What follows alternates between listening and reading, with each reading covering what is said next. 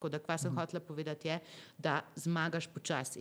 Mislim, zmagaš na dolgi rok in ni tista prva stvar, v katero se zakadiš, a veš, make it or break it in nisi tako dober, kot je bil tvoj zadnji projekt dober, ampak to je res stvar, ki se longitudno pokaže čez leto, dve, kakšni so že rezultati od tega in kakšna oseba si ti, ki si zdaj to naredil, a ne, ki si to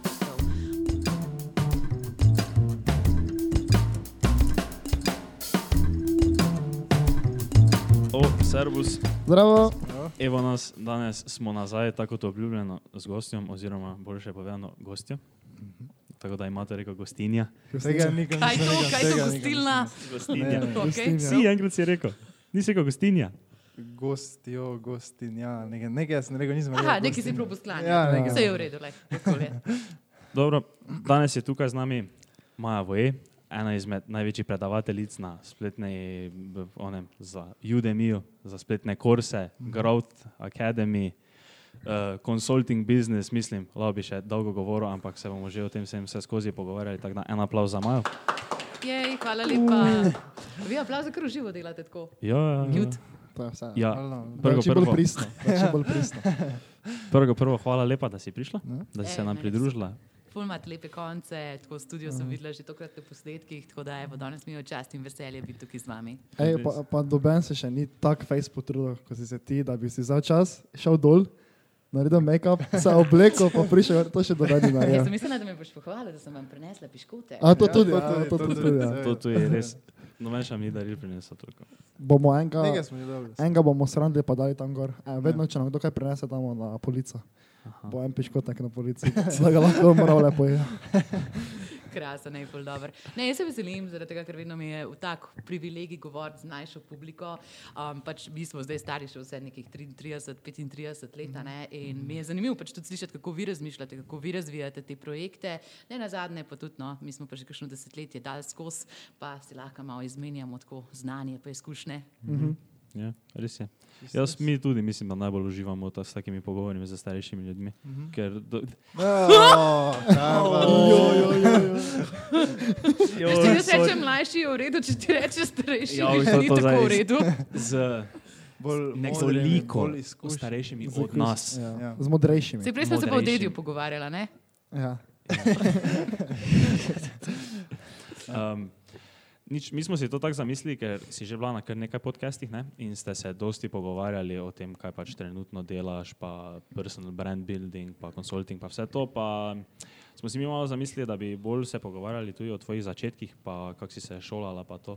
Ker pa ne vem, ker mislim, da vseeno dosti našega audienca se zdaj v teh obdobjih, ko se šolajo, pa so na začetku grajanja svoje kariere, pa to. Tako da, um, k- k- eh, kje si, kam si hodila ti v srednjo šolo? Aha, v Kamnik. Ampak jaz sem imela v resnici raje osnovno šolo od srednje šole. Osnovno šolo si imela rajši. Ja, sedem let sem bila predsednica od osmih. Takrat smo imeli še osem razredov. Ja, drugač, iz Kamnika si drugače? Ja, Aha, uh, po pa si šla na gimnazijo Kamnik, ja. pol pa kam naprej. Uh, pa sem šla pa na ekonomsko fakulteto in to je tista slavna zgodba. Se pravi, jaz sem imela v srednji šoli fuj rada tako pač umetnost in poezijo in te stvari, ki bomo rekli, da ni preveč keša noter. ne. Tako pač malo nisem še vedela, kaj je kapitalizem, pa kje so bolj pa manj obetavni poklici. Tako da pojem pa mami dala najboljši nasvet na svetu. Jaz sem hotela iti na vsak način študirati sociologijo, pa umetnostno zgodovino. In pol je ena rekla, če boš ti vodila turiste po cerkvah, da boš mogla pač preživeti, ne boš imela dosti keša za svoj življenjski stil. Idi ti eno leto na ekonomijo, pa bomo pol videli, če ti potegne, a ti ne potegne. Ne? Um, in to mislim, da je bil najboljši nasvet, kar sem ga dobila v življenju. Zaradi tega, ker v srednji šoli veš, tako, ene stvari te lahko pretegnejo, nikoli pa v bistvu ne dobiš informacije, kakšen je pol trg delovne sile. In zaradi tega imamo, mislim, tam filofaks poln teh smeri, ki so potem nezaposljive, pa imamo tehnične poklice, ki so popolnoma, mislim, podpre, podpredstavljeni glede na to, kaj je. In mislim, da tako pri 18 letih, da nam manjkajo te informacije, kako pa lahko živiš s tem, mislim, kakšno kariero si lahko zgradiš. In vem, tukaj le se mi zdi, da malo nevarno, idealistično včasih razmišljamo v smislu, kaj so moji interesi, ne pa nujno tudi, kaj so potrebe družbe. In kle se mi zdi, da je ful pomembno res, da se pogovarjamo, pa se iz vsega se da narediti biznis. Če si dober, če si nekaj res želiš, pač tako vse je mogoče. Sam za nekega človeka, ki pa želi imeti tako službo, pa je fajn pogledati ponudbo pa vprašanje na trgu delovne sile. No. Tako da to je bila prva taka res velika lekcija, ki sem jo vzela iz prehoda, rečemo, v šolski sistem, potem, kje si zaposlil. Aha. Ja, to sem jaz tudi, ko sem tako na začetku, v enem drugem letniku uh, srednje šole, sem se mislil, ono, a fakt imaš šel na neko kineziologijo, ker me to tako ono pač ful, ful me zanimalo, bil sem v športu, vse ono mehanika gibanja, ovo, zdaj bom jaz kineziolog. Pa me je pol nekdo, ne, točno se ne spomnim, ki, ampak iz večjih virov je prišla ta informacija, da moče pa kineziologija mislim, je zelo vredo poklic, pa to, ampak ni pa tako velikega popraševanja, zato ker so vseeno kineziologi vem, samo pri klubih, privat pa se to v resnici pogledaš kot osebni trener. Ki pa je pol, če si pa kot neki osebni trener v fitnessu, pa si pol isto kot oni, ko je naredil tisti šnel kurs v Avstriji čez vikend, ne? in pol ti to ta šola ne, tako dosti pomaga in sem se pol jaz tu preobrnil, pa sem jaz isto šel na ekonomsko. A ne, sem po mojem, veš, pri tebi pa pri meni je bila bistvena razlika, da ti si nekako vedel, kaj te zanima v življenju. Jaz sem pač rada brala učbenik za sociologijo, pač tako nisem imela izdelanega mnenja, ja. na kateri poti bi se najdla. In tako se mi zdi, da si lahko še malo, bomo rekli, podaljšaš mladost, da se odločiš za en takšen študij, ki lej, mislim, veš, da bo, ni pa tisto, da bi iz prve do otroštva vedel, da si veterinar. Tako da ja, klej se mi zdi, da se zelo hitro kupaš čas. Pa ful pomembna stvar je bila pa pri meni, da sem skozi sila v tujino. Pač odkar sem jaz pisala na faks, sem vedela, da hočem iti v tujino. Že v srednji šoli sem bila na izmenjavi na češkem. Ti si bila zanimiva zgodba, ampak o tem kdaj drugič. Pa sem prišla študirati v bistvu na Dunaj, pa v Šanghaj, pa um, fuj sem bila skozi stiku s to mednarodno prakso. In imela sem tudi stalno željo, da hočem živeti v tujini. Pa sem probala, pa mi ni bilo preveč všeč, tako da zdaj sem nazaj in iz Slovenije delam s tujino, ker mislim, da je končno moj ekvilibrium v življenju. Aha. Um, kaj si hodila na to Erasmus izmenjave? Seveda, ja. A, Še štipendijo smo dobili, žepninco. Mislim, da to tudi dobiš. Oziroma neko pomoč države. Ja, dobimo, ne? super. ja, ja. Uh, mislim, tako imamo vsi plan iti na sedem let. Top, najboljša odločitev. Ja, Najbolj, ja. to, ki ti razširi obzorje, to res jaz vsem priporočam, zaradi tega, ker dobiš frende iz celega sveta. Ka, Mhm. mislim, jaz še vedno v biznisu delam z enimi, ki smo se pač spoznali na teh faksih, na teh izmenjavah. Um, tako res prvič si razširiš mrežo ne, Mhm. izven Slovenije. To je druga stvar, ki je pa ful, ful, ful, ful, ful pomembna, pa je, da se naučiš z različnimi kulturi delati pa živeti. Mhm. Glih včeraj smo se z enim večjim direktorjem od slovenskih firm pogovarjali, kakšno zahtevno nalogo ima zdaj, ki poskuša uskladiti nizozemsko in nemško kulturo. a Ne. Pa iz prve bi rekel, ti tvoji kulturi ja, ni tudi pač približno podobno. Ampak ne, redko pač nizozemec pride, podere kot buldožer, Nemec pa pač ima svoj red, pa pač uh, motno v sistemu. In za večino časa pač mora delovati kot nek medijator, kot, kot neke vrste politik. In to se mi zdi, da čim prej dobiš te izkušnje, čim boljše. No. Kaj pa si šla prvo? Uh, prvo izmenjavo si naredila kam na Dunaj? Ja. V katerem? Prvem letniku že? Um, mislim, da v drugem, ne spomnim se zdaj, ker je bilo že kar precej časa nazaj to, ampak veš, kaj je bila logika, da mi mami lahko prinese moje najljubše jedi čez vikend. ne, nisem si upala še nekam ful dalec stran, mislim, tudi situacija sem imela takrat um, drugačno, tako še vedno sem bila precej vezana na Slovenijo, pa ne vem, zdaj se mi je glih čez mejo, pa še vedno to gvaram, da če bo slučaj karkoli, da sem še vedno pač imam ta svoj, svojo varnostno mrežo. In ja, če bi šla še enkrat, bi verjetno bolj drzdo razmišljala, se ne bi sam čez mejo zapeljala, sploh pa tukaj v vaših koncih, v vašem primeru, ja. Ja. pač tako, da greš ja. na izmenjavo v Avstrijo, pač kaj. Res bi mogel biti hud faks. a ne. Um, tako da ja, zdaj bi pač mogoče izkoristila kakšno bolj Skandinavijo, ne, pa te malo dražje države, ja. ki je pač tudi potvrt, pa tako pač tam, kjer so gospodarski centri, bi šla, ne glih v Španijo, pa ne glih v Portugalsko, zato ker počitnice imaš lahko druge. Um, tako res, res, res, res jaz bi iskala značke, kako so močni faksi. Samo kaj eh, plača ti moraš za izmenjavo? Eh, Pač koliko plača za izmenjavo? Ali To, Aha, ne, to financira Erasmus. Aha, Erasmus Ja. vse Ja, ja, ja, financira. ja. Aha, ker to mislim, da smo se imeli enkrat. ja, pol, da se moraš nekaj plačati. mi še nismo imeli te A vi predstavitve. kaj Ja. ja. skupajte skupaj, pa predstavite ta studio. Pa... ja. Uh, po, uh, kaj, pa bi, kaj si rekla, še pol, da si šla na Šanghaj? ja, Uf, to pa je bilo malo. to pa ni bil No, več. Dunaj. Ja. Da. To mi pa mami ni mogla prenesti kosila, ker mi je bilo dolg čas. Uh, Kako pa je ja. bilo tam? Ej, tam je bilo pa zelo zanimivo. A veš, mislim tudi ko snemajo te tajake futuristične filme, tega ne snemajo v Ameriki, to snemajo vse v Aziji, denar je tam nenormalno. Jaz sem pač tako šla res vsa poslovenska podjetja tja obiskat, pač vse te predstavništva, ki imamo, pa od Krke, pa od Gorenja, pa Mihelo Kladin, pač tiste, ki so se mi odzvali seveda. In vsi so rekli, da je noro živeti tam, da pa ja, pogrešajo naravo, pogrešajo tisto, veš, kaj imamo mi, ne vem, razgled na lepe nive in travnike. Pač tako okolje je onesnaženo, vse ogromno se dela na sanaciji okolja, ni tisto, da se folk tega ne bi zavedel, ampak je pa full hiter tempo, pa tudi te, ki sem jih jaz spoznala, no, so živeli v zelo takih evropejskih soseskah. Temu se kar reče, kot pač French Quarter. In tam so bile pač tako pizzerije, kot so v Italiji, pač butikci, kot so v Evropi. Tako kar v ene take balončke se dajo te ekspeti, ekspeti, ni tisto, da bi se ful neki pomešal za to populacijo, ki je tam, ki so Kitajci. Vse Kitajci so ful hudi, pač tako res ekonomska super vele sila. Je pa mogoče bil pri meni malo izzivno, zato ker spoštovanje do ženske pa tam pragmatično, pač tako te normalno tretirajo v biznisu, ampak nisi glih najviše spoštovana oseba, ki prideš v sobo. No. Tako da ja, tukaj mislim, da je pač tako iz vidika biznisa bi bilo skoraj malo lažje, če se ti. Ni pa ne mogoče. Kaj pa te je bil tak največji izziv, recimo, ko si šla v Šanghaj? Kaj bilo tak? Si doživela kakšen taki kulturni šok ali pa... Sem doživela vremenski šok. Aha. Sem jaz prišla tam iz letališča, pač v tisto vlago, meni so se špegli zarosili takoj, pač tako noč nisem videla. Pa, pa pač tako, vedno je bila, mi smo tam bili poleti, smo prišli poleti in tam je bilo pač skozi tako 39 stopinj. Mm. V resnici je bilo pač še 40, ampak tam je tisti termostat nehal pač prikazovati temperaturo, zaradi tega, ker je če 40 stopinj, ne bi bilo treba delati. In pač ja, to je bilo moje poletje na 39 stopinjah z ne vem koliko lage v zraku. In tisto, veš, težje je živeti, zato ker mi nismo navajeni navajeni. Pa, no, tudi, če je vroče, je ponavadi bolj tako suho. Tako da ja, pa, pač tam hodil okay, po mestu itak, ampak tako iz klime pod klimo. Ne raje bi imel japonke gor, če si imel japonke gor, si imel pol noge omazane. Pač tako več takih kompromisov je bilo, ki si jih mogel tam sprejemati.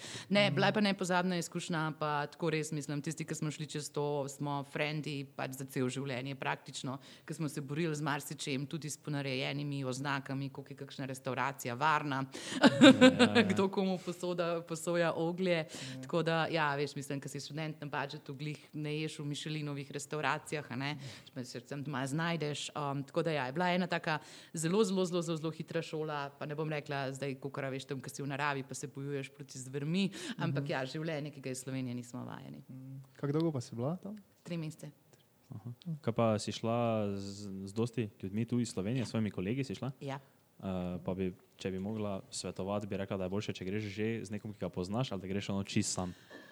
Joj, veš, jaz nisem imela te izkušnje, kako je iti sam, zaradi tega, ker sem vseeno šla pač z eno sošolko, pa smo imeli pač pol tisto sobico skupaj, ona je bila vegetarijanka, jaz sem ji pobrila vse strige, pač, ker smo imeli tiste žuželke v hotelu, um, ona je imela sabo viski za razkuževanje, pa še smo kaj tasga jedli, tako da smo naredili eno tako skupnost, ne, smo si malo pomagali med sabo, pa se tudi malo od kakšnih situacij rešvali, zaradi tega, ker eno ful smešno anegdoto smo imeli, tam so bili še pač študenti sinologije in oni so bili pač, lej, Lej, oni so nas klicali, da smo japi, ne ekonomiste, oni so bili pa pač tako, ne vem, zarote, da se nočijo lepo obleči, ker smo šli na Expo v tisti World Trade Center in so hoteli priti v tistih svojih kiklah, ki so podobne pač tako prtu iz mis. In pač oni so naredili protest, da oni se že ne bojo prilagajali nebenmu in da se ne bojo biznis oblekali, zato da gremo mi na tisto ekshibicijo. Pa nas pač tako res skoraj niso spustili noter. Tako da ja, že malo med faktom je bil kulturen flash, veš, mi vsi tisti so svoje kostimčke gor, pa gremo, oh, gospodarstvo, kako lepo, oni pa kam nas vlečete, to ni res. Um, ne, sam le na koncu smo radili, ful dobri prijatelji, pač tako mi smo jim malo pomagali, kar se tiče tega biznisa, oni so nam malo pomagali s kitajščino, kako se znajdete na okrog. Tako da ja, že tukaj znotraj te skupine, ki je šla tja, je bila taka dobra izkušnja. Poti pa itak dogaja na hard, zaradi tega, ker pač, a veš, takih mest, takih format mest, itak pri nas ne boš videl, a ne, se je v Evropi, lej, gospodarski centri, pač poznamo London, poznamo pač Amsterdam, poznamo pač ne vem, nemško, pač rečemo Berlin zdaj, ne več Minjaken, ok. Um, nam pa že počasi zmanjka, veš, teh tofulijakih mest, ki tam res skoraj ni nad zgodovine. Pač tam je bilo vse pod kulturno revolucijo. Porušen uh -huh, uh -huh. in tudi zdaj je, so pač na novo naredila. Ne? Tako da mesta, mislim, že sama podoba je bistveno drugačna, kot je, um, promet pa urejen v nulo. To pa jaz nisem mogla verjeti. Ker to si jaz ne, jaz ne predstavljam, da bi šel sam. Veš, tako na primer Klemen Slakovič šel, ko je šel Ja. ja. čez Azijo sam. Aha. To ni šanse. Ja, to, to je lahko čist drugo. po mojem. To smo se glizali nič menila, ne? Ja. Ali al iti drugo leto recimo sam, uh, da gremo vsak v neko svojo državo, svoj kraj, ali iti skupaj, ker ne vem, jaz si predstavljam, da je oboje nekako ima svoje prednosti, pa nekaj slabosti, ne? ker bomo šli sami, te mogoče si bolj prisiljen, tak ne še z drugim folkom povezati, zdaj, če bi šli skupaj trije, pol pa ne vem, že imaš neki vsaki svoj. Mehurček, Neki je. mehurček, ki Ja. si varen, pa mogoče Ja. ja. narajiš ne, z drugimi. Toliko. Ne vem, če to še imamo cajt. Ne, samo veš, v vsakem primeru si narediš svoj mehurček. Ja. Če neč drugega, pa najdeš pač ostale ljudi iz Balkana, Aha, okay. si tam mehurček. Tako vedno mislim, da je naravno, da se povezujemo z ljudmi, pa da formiramo neke klike. Jaz na Dunaju, pač ker smo bili res brez keša, pač tako, da si čist presedetel, tudi študentskih bonov tam in da si moramo sami kupovati futer. Ja, res smo si naredili eno tako malo komuno, se pravi jaz, en novrežan, en indic, pa še en francos in pač oni so večino časa kupovali hrano, niso znali pa kuhati, jaz sem jim kuhala, pa pač pokazala, kako se bralne stroje uporablja in take zadeve. In tako vedno pride do tega, veš, ker smo ful pač redna bitja. Ampak ja, mislim, če bi slučajno, slučajno imeli kakšno možnost, da greste na Švedsko pa kakšno tako državo, ki so res pač hude poslovne šole, pa kaj je dobra tehnologija razvita, kaj je kripto dobro razvit, tam si lahko narediš toliko mreženja, da dol ne padeš. Pač tudi Amsterdam, zdaj imam par prijateljev, ki so šli na nizozemsko študirati iz prve, pač sploh ne predmet zmenjave. To so ne, živahne evropske prestolnice in to se ne more primerjati z nobenim tistim rajem, da greš malo windsurfati. Sej pač je ok, misliš, če imaš te cilje v življenju, da se želiš malo spustiti na plažici, sam toliko energije, ki ima to v zgodnjih 20-ih, nikoli več ne boste imeli, tako da to je za izkoristiti. Kako pa se je potem tvoja karjerna pot začela? K- Kje si dobila prvo zaposlitev ven iz faksa? Ker zdaj, Aha. ker naprimer, zelo je, še posebej ne vem, če kaj veš o tem, ampak naprimer ekonomska šola v Mariboru ne je zelo stigmatizirana potem, da je to kao lahek faks, da je to en izmed lažjih V ponedeljek predavam tam. Ja, vem, eh, biznis teden, ne? Bravo! Sem videl, Top. slobo mail. O, hvala lepa. Ti si imel ta teden zelo veliko mojih sporočil, top. Uh, no, ja, da je načeloma tako znan, kot da je neki piknik, faks se temu reče v Mariboru, in da je pol težko dobiti zaposlitev, ker pride ven toliko teh ekonomsko izobraženih ljudi, ki so pač ono šli skozi faks kot neki medli študenti, pa se nič nikam angažirali. Tako da mislim, da jim v Ljubljani je vseeno potem boljše, ne? ampak kaj, kaj si pa Ne vem, če je. Pač misliš? tudi ekonomski fakt tam glih znam potem, da gre krem dela krem gor. No. Ja. Mislim, omejitev je itak tam pač nekako varira med 60 in 70 točk, se pač fa- faksi mednarodno uveljavljam, ful se trudijo, ampak ne, tudi v Ljubljani glih tako ne čakamo takole, pridite vsi uh -huh. ekonomisti, ki ste dokončali faks. Ključno je, da se že med faksom, pač tako kot vi naprimer delate s tem podcastom, pač narediš svojo mrežo, nabereš izkušnje delovne in pač tako, da imaš nekaj za pokazati. Zato, ker zadnjo, kar hočeš imeti, je pač tako, lej, zdaj le imam glih rekrutment, zdaj imam en rekrutment cikl, kjer rekrutiram sedem social media menedžerjev. In pač tako ena od teh vstopnih pozicij je pač v eni agenciji in tisto bi vzel kjerkoli juniora, ki dosti časa preživi na TikToku, pa na Instagramu. Pač da ima učke nahukane na to, kako se zdaj pač komunicira prek modernih družbenih omrežij.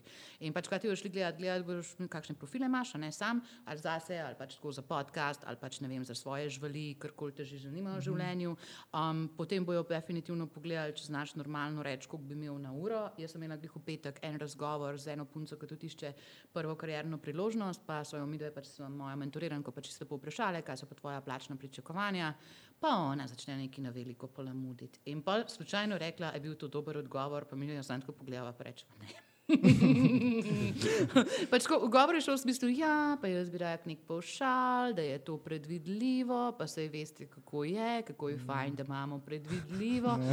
Pač te bo, veš, mislim, ti se zdaj trenutno na razgovoru prodajaš. Pač tudi, če misliš, da je povšal, vprašaš takoj, pač koliko približno ur pa predvidevamo, da bi vi rabili. Jaz sem videla na social mediji, da delate približno 4 uh, poste na teden, jaz pač sem ocenila, da bi bilo to treba 31 ur na teden, na mesec, a bi se pač lahko zmenili, da neto dobim iz tega, ne vem, 300-400 evrov. Um, in na ta način pač zmagaš pogovor, če pa rečeš, jo, jaz pa imam pa tako rada predvidljivost, pa v bistvu ne vem, pa mja, mja, mja. Pač tako, lej, ubiješ si vse šanse. Tako da, lej, poglejte, koliko so na študencu te zadeve cenjene, poglejte, koliko so pač druge plačane take zadeve, poglejte, kaj podjetje že dela, kakšna je frekvenca in pač imejte ta odgovor pripravljen, zaradi tega, ker to vas bojo vzi vprašali. Aha, super, super na svet tega. Hvala za svet. Se Jaz, bi po mojem isto, kako, pa želiš, pa bi jaz začel. Ja, pa ne vem. Ne, ne, to je najslabše. To je najslabše. To se takoj se podrediš. Ja, To je ja. grozno. Tako da najboljše, da pač ono rečeš svojo ceno. Ne, pač tako, lej, jaz v skupini Growth Hacking Slovenija pač tako spodbujam, da morajo biti cene že napisane. Tukaj se mi zdi, da smo v zadnjih letih naredili ogromen premik iz vidika mm -hmm. transparentnosti, pa to tudi, a veš, da tiste, ki teh standardov ne dosežejo, da jih skupnost zelo hiter avta, se pravi, da se zelo, zelo, zelo, zelo, hiter um, pač postavi, da lej, ti pa minimalne plače ne prečuješ, lej, kaj ga seriješ, to, kar dela sploh ni legalno. Um, tako da, ja, tu se mi zdi, da smo eno tako kritično senzibilno že razvili. Po drugi strani je pa meni zelo, zelo, zelo pomemben, a veš tudi, da na začetku, da ne greš kakšno tako butasto postavko ven. Naprimer, ko sem jaz začela vem, delati v Belgiji, sem imela pač tako 20 evrov na uro plače. Zdaj imam lahko pač tako 2 evra na uro. Če delam delavnice, ali pa karkoli tasga. Sam pač nisem jaz prišla nikoli do enega človeka pač na začetku in rekla, da mi 100 evrov na uro, zato ker I'm fucking awesome, pa I believe in myself. Um, tako da ja, je treba, veš, tudi iz druge strani malo razumevanja, da je gradnja, da si gradiš izkušnje. Um, ful je dobro, vedno, če vprašate kakšno stvar o podjetju, če že sami pač tako malo raziskujete podjetje, kaj je vizija podjetja, kam grejo, ne vem pač kako si predstavljajo, da se bo to zadevalo naprej. Se pravi, to je ena taka kljubca, ki jo moraš narediti, da pokažeš nek interes. Um, drugače pa ja, mislim, lej, plačne postavke spet niso takšen tabu. Mislim, da študentsko delo, mislim, po mojem, noben ne bo rekel, da rabiš 14 evrov na uro neto. Ne. Ja. To se meni osebno še ni naredil. Pač tako medijana je tam od 6 do nekih 8 na uro, pač se vstopna marketinška dela, 8 do 10 oziroma 15 za taka malo bolj strokovna dela, tako da to zelo, zelo, zelo, zelo hitro vidiš, samo imaš greš po študencu pogledati. Tako da ja, to res ne, ni treba preveč časa na tej raziskavi pustiti. Um, ampak ja, lej, vprašanje je bilo, kar se tiče diferencijacije med študijem. a ne. Mene, naprimer, to, kar imate vi ta podcast, pa to, naprimer, kar eni tudi dač delajo ne vem, na TikToku, malo več stvari, um, da je to genialno, da je to briljantno, zaradi tega, ker to so področja, kjer si brez konkurence. Pač, ker enostavno si naredil neki tasga, ki tvojim vrstnikom ni uspelo. In tle se mi zdi, da iz vidika tega, da ustvarjate kontent, da znate pač repurposati kontent, se pravi, da ga uporabljate ponovno, da to je prihodnost, ker to, mislim, vsaka podjetja zdaj bo rabilo na tem, B2B podjetja so začele razmišljati o videoprodukciji, to se zdaj strašno lepo prodaja, tako da to je definitivno prodajljivo. Zdaj vsi ti interesi, naprimer, če si farmacevt, a pa pač kaj tazga, ki bolj tako rabiš laboratorij, pa neko opremo, da delaš, je to pikico težje. Sam imam pa tudi en ful dober primer. Imam pa zdaj naprimer od enega malo večjega farmacevtskega podjetja, pa so delali študenti farmacije, pa so pač pol naredili eno tekmovanje, kdo bo naredil najboljši projekt in zdaj bomo pač pomagali realizirati ta projekt. In čez to, da so bili oni proaktivni, pa da so delali ob študijske aktivnosti, so se tudi uspele ful lepo diferencirati. Uh, no, kje si pa bolj dobila prvo zaposlitev? Aj, to je bilo vprašanje. To, ja, ja, ja to, to, to, to me zanima. Kje si začela delati? Jaz sem začela delati v lokalu, ker sem bila stara 14 let. A, ja, pa po srednji šoli? A pa Ne. neka prva tako uh, delo, neko prvo tako delo, ki je recimo, da delno pode, podobno tem, kaj zadelaš. Ja, ja. Ne, Nekaj ampak rada bi povedala, da je pač bila pot do tja. Ne. Najprej je bilo Ja, ja, pomembno, da se sploh naučiš delati, da se baš ti to disciplino pravočasnega prihoda na delovno mesto in te osnovne higienike, da si zanesljiv človek. In pač le jaz v kamniku, takrat, ko prehajam, pač tako je edina stvar, ki si lahko v srednji šoli delo, je bil lokal, kakšnega jake industrije tam ni bilo razvite, da bi pač lahko prišel noter. Se pravi, proizvodna pa lokal, tako da to je bilo to. Pol sem imela ful srečo, zato ker sem lahko šla delati kmetijsko ministrstvo, taka administrativna dela. Pač tako skenirala sem neke klavne liste za govedo in pač prašiče in to je bilo pač tako malo summer job. Ampak takrat sem prvič videla, veš, kako izgleda delo v pisarni in tudi kakšen folk je tam. a. Mislim, tako kako mi je ta kultura v javnem sektorju všeč, a pa mi ni všeč. Uh, tako da to je bila zelo, zelo, zelo, zelo zanimiva šola, zato ker sem glih takrat pač glih študirala ekonomijo in sem videla pač razliko javni sektor pa biznis. Ampak vsem, leta 2009, kaj je bilo leta 2009, fantje? A se kdo spomne? Kriza. ne? To, Kriza. to, Ja. bravo, bravo, bravo, bravo. Obvladamo, obvladamo ekonomsko zgodovino. Je bilo ful težko za službe, po mojem še težje, kot je zdaj. a ne. Zato, ker pač tako podjetja, ker niso zaposlovala teh mladih. In ja, jaz, kljub temu, da sem rekla, da tega nikoli ne bom naredila, sem prve dve leti delala v javnem sektorju, se pravi, bila sem koordinator študentov na magistrskem programu IMB. Um, tam pač super folk, tam je res pač tisto, veš, kaj se selekcijski proces naredi, ki plačaš nadstandardni študij, ko dobiš predavatelje iz tujine, je. In ja, ti si bilo meni super delati, sam je bilo pa tako nestimulativno, ker glede, glede na to, a veš, koliko si ti delal, kje rezultate si imel, si imel skozi isto plače. Pač tako glede na plačni razred. In ne vem, pač tako, lej, dobesedno bi mogel verjetno kdo umreti, da bi jaz lahko napredovala, ne vem. Pač tako vsa napredovanja so bila zmrznjena. Tako da ja, takrat sem pa v bistvu se vprašala tisto stvar, ki sem se v življenju še ful velikrat vprašala in mi je vedno ful dobro delala, kaj so moje močne točke. Jaz nikoli ne delam na krpanju šibkosti, jaz delam samo na tem, da dva ek samo močne točke. In takrat sem se spomnila, da pač lej, če daš drugega, znam pa papir je dobro, ne pa znam pač pisati tiste spise, pa tisto palamudenje o učinkih, pa take stvari. In iz tistega sem pa jaz zelo hitro um, začela pisati javne razpise, ker sem še malo sodelovala, ne mislim, z enim podjetjem, tudi takrat, ker sem še full time delala. Pa sem pa spoznala tehnološka podjetja in pa, pa za me ni bilo več poti nazaj. Tehnološka podjetja so pa za me najboljša podjetja z visoko dodano vrednost, fantastičen folk, hitre inovacije, nikoli nič ponavljajočega, tako skozi se zadeve spreminjajo. In ja, jaz sem tako vesela, da sem najdla ta svoj tehnološki sektor, da pisati ne moram. No. Meni je to res, po mojem, tisto, zakaj se jaz pol nisem preselila v tujino, ampak mi je bolj zanimivo gledati, kje se moroge bomo naredili kle. Zanimivo. Uh, Samo to vprašam, uh, Ja. kaj si točno ti po izobrazbi? Magistr poslovnih ved. Aha, okay. Kolikokrat pa si recimo uh, mogla, a pa kolikokrat je tvoj delodajalec recimo pogledal tudi tvoj? Okay. Ker To je zdaj že zelo dosti uh, folka nam reklo, ko, maj, ko recimo delajo zdaj v kakih takih jobah, da pač niso nikoli tega rabili ti pokazati. Ne? Da samo toliko njihove izkušnje, pa njihov neki portfolio, pa to. to.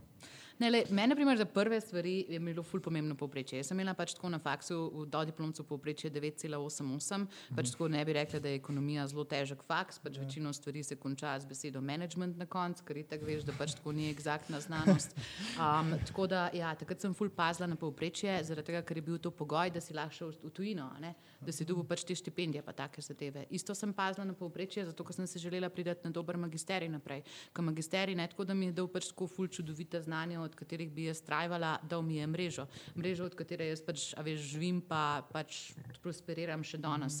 Tako da faks ni sam pač tako izkušnja, kjer znanje ti absorbiraš, je močna socialna izkušnja, je grajenje tvoje mreže, je to, da si pokažeš, da si discipliniran, da lahko se v izpit učiš celo noč in pa tudi, ko včasih delaš na projektu celo noč, se spomniš, a kaj na faksu, pomeni nis kafe po žlički. Um, ampak uh, ja, tako, a veš, več je, kot sam tisti papir, ki ga dobiš na koncu. Je socialna izkušnja in tole se mi zdi, da zdaj le pač zaradi tega oddaljenega šolanja, da se izgublja ogromno in pač žal mi je za mlade ljudi, ki se izgublja ogromno na tej socialni interakciji, ki smo jo imeli privilegij uživati. Res je. To še posebej v zadnjih dveh letih za korono se to, po mojem, zelo pozna. Mi, mi nam tudi, po mojem, ampak ne toliko opazimo, ker smo vsi tako ekstrovertirani, zelo pa te vseeno vlagamo ta trud, veš, da se družimo. To, ampak Ja. po- poznam pa par ljudi, ki bi lahko rekel, jaz osebno, da jih je efektala to, da je to ti socialni stik takrat manjko, pa so se nekako razvadili. Tako da ja, to zdaj po mojem res zelo slabo vplivalo. Um, kako pa si potem začela to pot v konsultingu? Oziroma, ali bi raje prvo sploh povedali, kaj je poslovno svetovanje oziroma business consulting? Tak, ono čist laično. Kaj pa vi mislite, da je poslovno svetovanje? Svetuješ podjetjem. Kaj svetuješ? Dej, dej predstavljaj si, evo, dej, dej, dej, gremo, gremo reverse inženirati. Ajde, ti, ki še Okej. nisi veliko govoril, dej povej, kako misliš, da zgleda moj tipičen dan, kaj jaz delam. Ja, ne vem pač, eh, poz, uh, svetuješ podjetjem, ne vem, nekih, kako naj investirajo, kako naj bo njihova ne vem, poslovna pot. Tako si jaz to predstavljam. Wow. Nekih- želim tam, da bi bila na finančnih investicijah. Se pravi, ti me imaš malo višji v mislih, kot se imamo mi dejansko stanje. Super, super. Uh, kaj pa misliš, da tukaj sprejemam kakšno odgovornost za te nasvete, ki jih jaz dajem, jaz ali mislim, niti da ja. ne? Jaz mislim, da ja. Ja, na kakšen način pa? In en ti daš kakšen na svet, Ja. pol pa oni to, tiste, ki so malo više, tebe to nekako premeljajo, Ja. se jim zdi vrejo. Te sprejmajo tvoj na svet, drugače pa ne ovržejo. To je Ne to. Ja. Se pravi, kot nek odvetnik sem. Okay.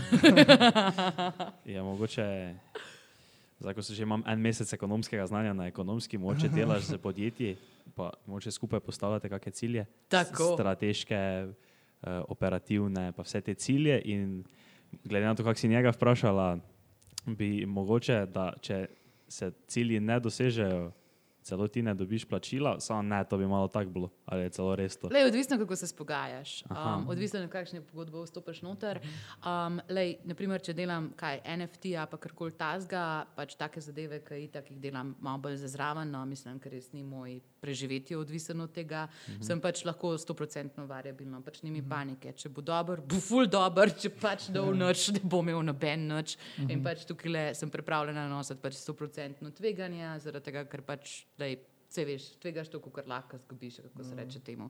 Zdaj, a bom pol leta se odrekla samo v stalmu in šla to delati za polni delovni čas, verjetno ne. Uh, je pa tako, no, da, lej, prosti, ker sem te malo avtala prej, sem to mi je bilo luška, no, ver, veš, da vedno rada sprašujem ljudi, kaj pa ti misliš, da jaz delam. Uh, ja, kot smo v bistvu že začeli, mi pač predstavljamo cilje. Jaz ogromen časa porabim za to, da se res zadinimo o ciljih, da imamo konsens, kaj mora biti doseženo, potem z ekipo tudi dosto ustvarjamo, kakšna je pot do tega cilja. Pa bom zdaj pač malo bolj plastična, da ne bom tukaj z visoko letečimi besedami upletala. Se pravi, naprimer, Miha ima cilj, da bo svojo kitaro prodal na nemški trg in da bo v prvem letu zaslužil 20 milijonov s prodajo te kitare. Um, potem pač, ok, Miha, cilj imamo, pač tako usmeritev že imamo. Zdaj se bomo pa vprašali, kako bi Mika lahko prodal 20 milijonov svojih kitar. Um, in bi pač v sodelovanju z ekipo, oziroma mogoče še s kakšnim drugim zunanjim svetovalcem, a pa pač tako, verjetno so tudi oni že naredili prej neke raziskave, če ne lahko tudi skupaj delamo, najdel en nabor taktik, kako bi lahko prodajali te kitare. A bi rekel, ne vem, zbrali bomo 30 distributerjev, pa bomo ponudili to, pa bojo oni to kupovali na veliko, a bomo pač rekli, postavili bomo spletno štacuno, pa dali to 15 inflam, pa iz tega naredili pač neposreden marketing. Tako vedno, vedno, vedno bomo preigrali več scenarijev in pol na koncu, skladno s tem, da mi prioritiziramo, kaj bo najverjetneje deloval, pa kaj je pač tako drago, ker naprimer, če ti moraš financirati vso zalogo, a ne. -hmm. Je to bistveno težje, kot če ti kupci že prej, naprimer, malo prednaročijo, pa lahko iz tega financiraš potem kakšno proizvodnico še. Um, tako na takšen način bi mi se zadinali, pol, kakšen bi bil plan za teh 20 milijonov kitar. Um, in pol na koncu bi naredili eno ekipico, ki je odgovorna za egzekucijo tega, in jaz bi jo v normalnem svetu, pač tako tedensko, a pa na 14 dni, pogledala, koliko smo blizu tem svojim ciljem, kaj se dogaja, če moramo kaj spremeniti. Um, na koncu obdobja bi tako pač to pogledali, se pravi, kaj smo naredili prav, kaj smo naredili narobe, kje se lahko izboljšamo, pa se odločili, če bomo šli še en cikl, a pa se prekleto pomembno pogovorili o tem, kaj smo se na tej poti naučili. To pa ne morem dosti povdariti, ker mislim, tukaj pa ne samo Slovenija, vse to je evropski problem. Imamo ful težave z neuspehom, ne, pa s tem, da poskušamo zadeve pred preprogo pometati, pa da bomo dobri pri šefi spadali. Trg produkta ne razume, je eden izmed mojih najljubših uh, izjav. Pač Velik problem, da verjetno ti kupca ne razumeš, a pa si da trg dal nekaj, kar trg noče. Ampak ok, če se zaradi tega malo bolj počutiš, ampak le, klele moš vedno gledati, kaj se naučiš iz tega, kako šprši iz tega boljši, nekomu manj trpi ego. Uh -huh. Kaj se dosti krat, uh, si dosti krat vpletena v neke take projekte, Ja. uh, ki mogoče lahko propadejo, ampak Ne. si vseeno nekako. Ne. Ne, ne, a da koliko tveganja jaz nosim, kaj hočeš Ja, ne vprašati? pač, da si vseeno, recimo, da nekaj Mhm. ni šlo skozi, samo si potem vseeno tako, ok, mogoče ni uspelo, samo smo pa se ful naučili iz tega. Ja, ne bi rekla, da pač mi poskušamo narediti vse, da se to ne bi naredili na ravni projekta, da te zadeve zaznamo prej, da se lahko še kaj pač spremeni. Um, tako da, mislim, veš tudi jaz kot svetovalec, uh, ta success rate, ki ga imaš, se pravi, procent uspešnosti je izjemno pomemben in večino strank, pač tako 40 do 50 procentov, dobimo na podlagi priporočil, tako da če ga parkrat fejlaš orang, je lahko nevarno za tvoj biznis. a ne. In pač sejlej, če delaš z ekipo tako na zelo intimen, na zelo povezan način, sprejmejo te zadeve, ampak te pa najamejo, pa ti vsi te gledajo pod prste, koliko si plačan, pa take zadeve, si pa pač zelo na prepihu, pač tako nared mi zmago, hiter po možnosti naslednji teden in imaš 90 dni, da pokažeš eno trdno vrednost. In klele pa zelo, zelo, zelo, zelo pomembno, da zmagamo hiter pa agilno. Ja, ja. Koliko pa ti je predstavlja tvoja služba tak nekega stresa, ker deluješ tako zelo, uh, uh, kako bi rekel, samozavestno, tako ne vem, zdaj ko si rekla, veš, da moraš gledati na tvoj success, reka, nikoli nimaš tega v glavi, jo, kaj ti A, zdaj fejlam. To se da zelo dobro filtrirati, uh. -huh. uh, ker jaz, na primer, takih podjetij, ki bi imela takšen občutek, da pač ne bo šlo, a pa da so ne vem, kakih težavah, pa da zdaj le pač tako mislim. Nočem reči, ščijajo proti vetru, ampak da imajo pač tako veter v glavo, da jih to res pač zaustavlja, da je reki tazga fundamentalno narobe. Le jaz ne verjamem v čarobne naboje. ne. Mene je skoraj bolj etično takim ljudem reči ne. Pač tako, mislim, je problem druge, jaz pač nisem prava oseba, da bomo to skupaj rešili. Um, jaz moram pač vse te podjetja, v katerih jaz sem, verjamem v njih na takšen ali pa drugačen način.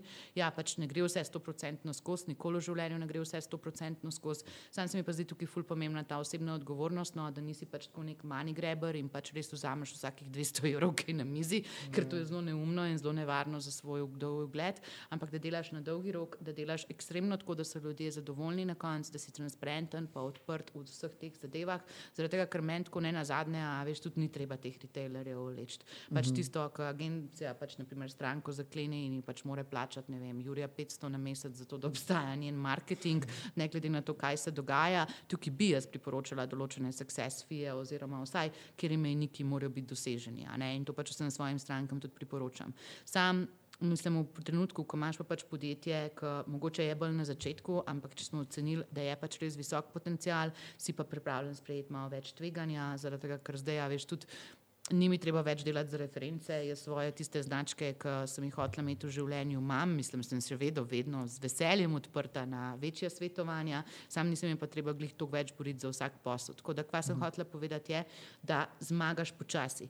Mislim, zmagaš na dolgi rok in ni tista prva stvar, v katero se zakadiš, a veš, make it or break it in nisi tako dober, kot je bil tvoj zadnji projekt dober, ampak to je res stvar, ki se longitudno pokaže čez leto, dve, kakšni so že rezultati od tega in kakšna oseba si ti, ki si zdaj to naredil, a ne, ki si to postal. Uh, ja, jaz lej, delam preveč. Um, vprašanje je bilo tisto, če sem v stresu zaradi tega. Jaz sem skoraj bolj v stresu, če ne delam, kot če delam, zaradi tega, ker pač tako res ful, ful, ful, ful, ful mi je. A veš, ka, Ko se malo sprostim, dobivam ideje. Uh -huh. In pa sem že tu hitro živčila, pa vse bi lahko naredila in koga vse bi jaz poklicala. In pač to, da se jaz umirim, je kar proces. Drugače, ja, smo precej na visokih obratih. Je pa res, da takrat, ko sem pa zmatrana, a veš, naprimer, zdaj le sem binge-watchala Selling Sunset, tudi tista neumna serija o Netflixu, na Netflixu, v nepremičninarjih. In pač tako full hitro vidim, kdaj sem pa tako jaz dan, kdaj pa jaz rabim čas, da se sestavim znova. Tako da kle se mi zdi bolj pomembno to, da se to sprot dela, kot pa da ne vem, se enkrat strošiš, pa si pa za naslednjih osem mesecev mrtev in igraš v kolile doma.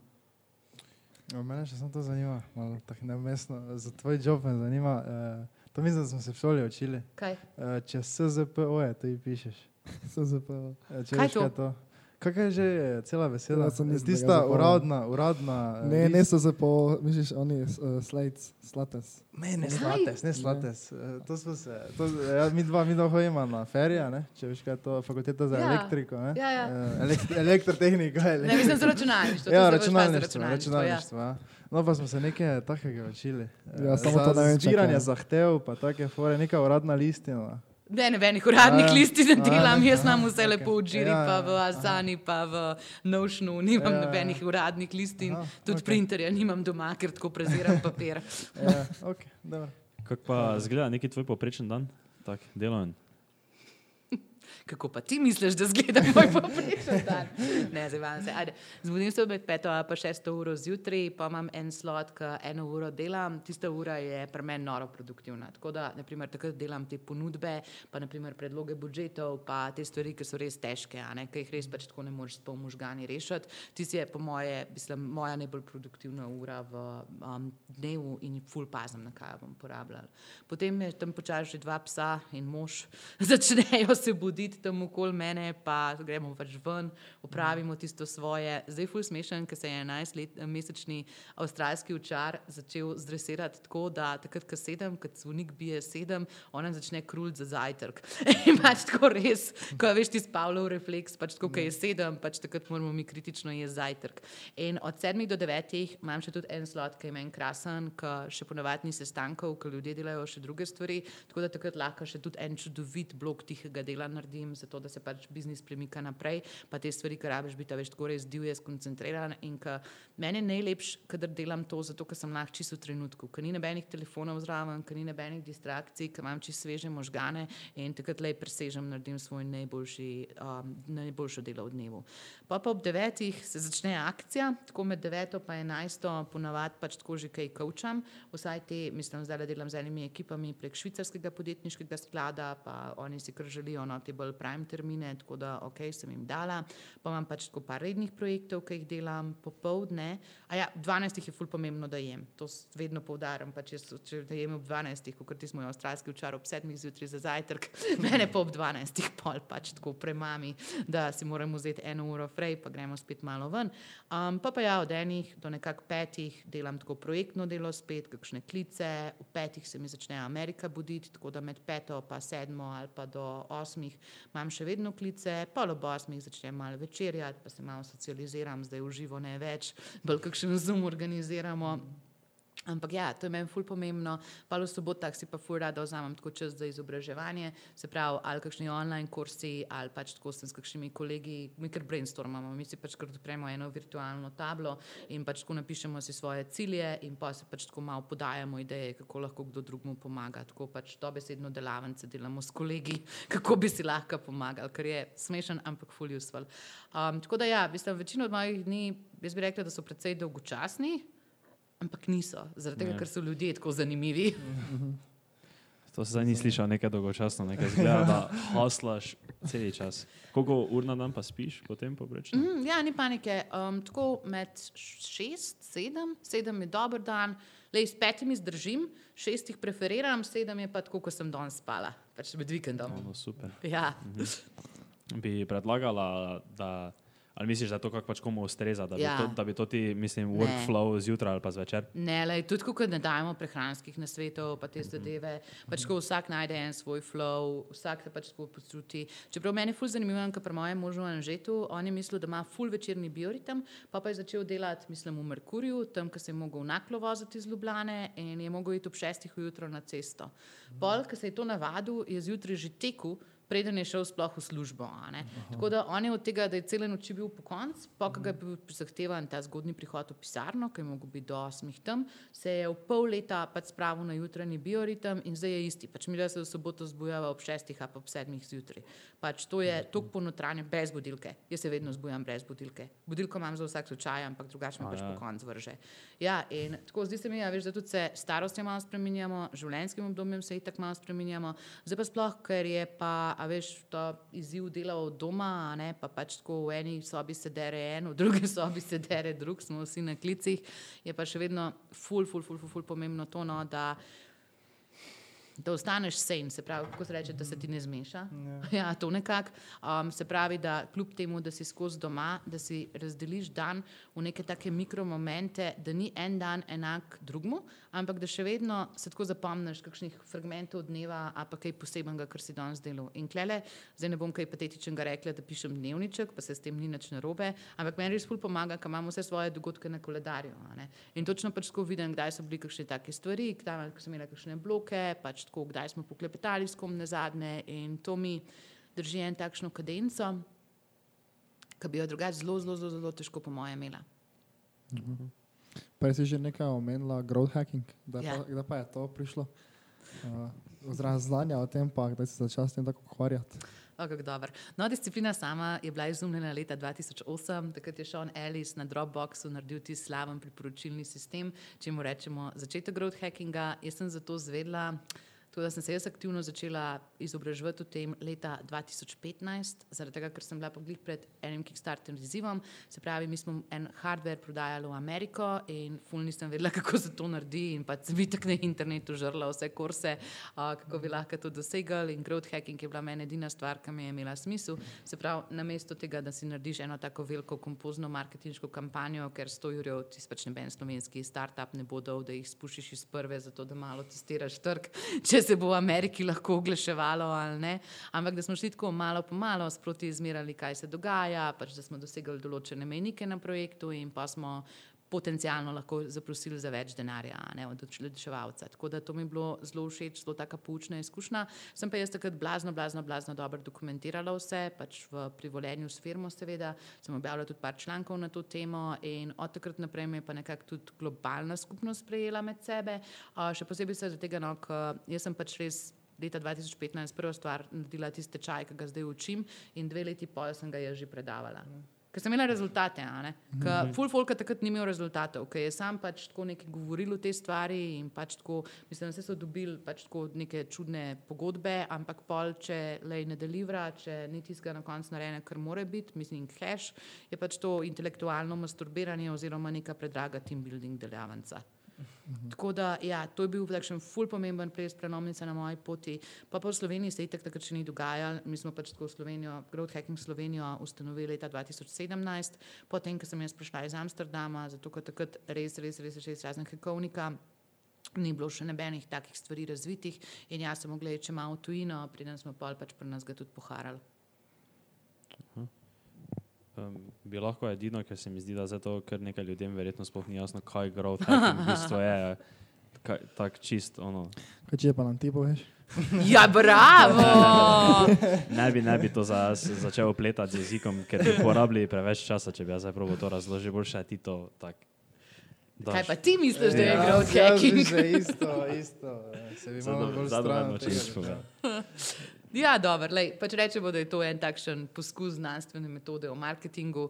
Um, namesto tega, da pač tako rečeš, kaj boš delal en let vnaprej, pa si iz tega narediš budžet, greš malo po malo, temu rečeš eksperimenti, vidiš, kaj dela, kaj ti ne dela in delaš več tistega, kar ti dela. Um, drugač pa, lej, to je, mislim, od 19. stoletja Francis Bacon, pač izumitelj znanstvene metode, nič strašnega, nič novega, sam pač v marketingu, a veš, je vedno se usklaba, ful dobro reče, ki ste ga tudi imeli na podkastu, um, med znanostjo in umetnostjo. Ja. In ful radi pač tako ustvarjamo, ful radi imamo ta kreativen proces, na številkah pa večina folka mal fali. Tako da jaz mislim, da največja dodana vrednost vsaj v slovenskem komunitiju growth hackinga je, da smo začeli ogromen delati s podatki, ogromen delati na merljivosti, ne da zdaj pač rečemo, je umetnost nikul in pač tako kreativa kar neki. Kreative zdaj sploh ne primer na Facebooku, oglaševanju, pa na social medijih mediji so imena igre. Pač tako nastaviti targeting, da bom rekla, da zna vsak, ampak ni tako težko, kot je bilo dve leti nazaj. Tako da zdaj le trenutno je konkurenca na ravni kreativ. Ampak kaj sem hotel povedati je, da vsem pa tista, rečemo, accountability, kako bi to prevedel, odgovornost nekaj. Ja. Ja za rezultate, oziroma to, da nisi tisto, a zdaj sem jaz spuščal za 500 ur v budžeta, ups, ampak da se lahko tudi te zadeve tako malo hitrejše ugotovi, pa mhm. pivotira dosti hitrejše, kot če ne bi imel tega povratnega lupa, se pravi, kaj nekaj narediš, kva se pol naredi. Mhm.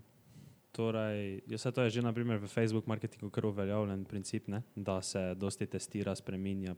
In klele je digitalna tehnologija ključna, zato da se je disciplina dobro razvijala, zato imamo končno povratne informacije. Kaj se naprimer naredi, ko prodajaš stvar v trgovini?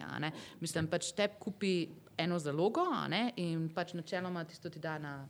Police in uh -huh. potem, pač čez pol leta, naprimer, če to ni prodano, moraš tudi, tudi kupiti nazaj. Pa pač no. tako se ti plačilni loki ful zavlečejo, pa take zadeve. In jaz pač temu več rečem postmortem analitika. Pač tako nekaj si že naredil, prav dosti pač tako nisi mogel več spremeniti tega in ja, klele na digitalni tehnologiji pa meni res stop, zaradi tega, ker lahko informacijo dobiš čez 15 minut.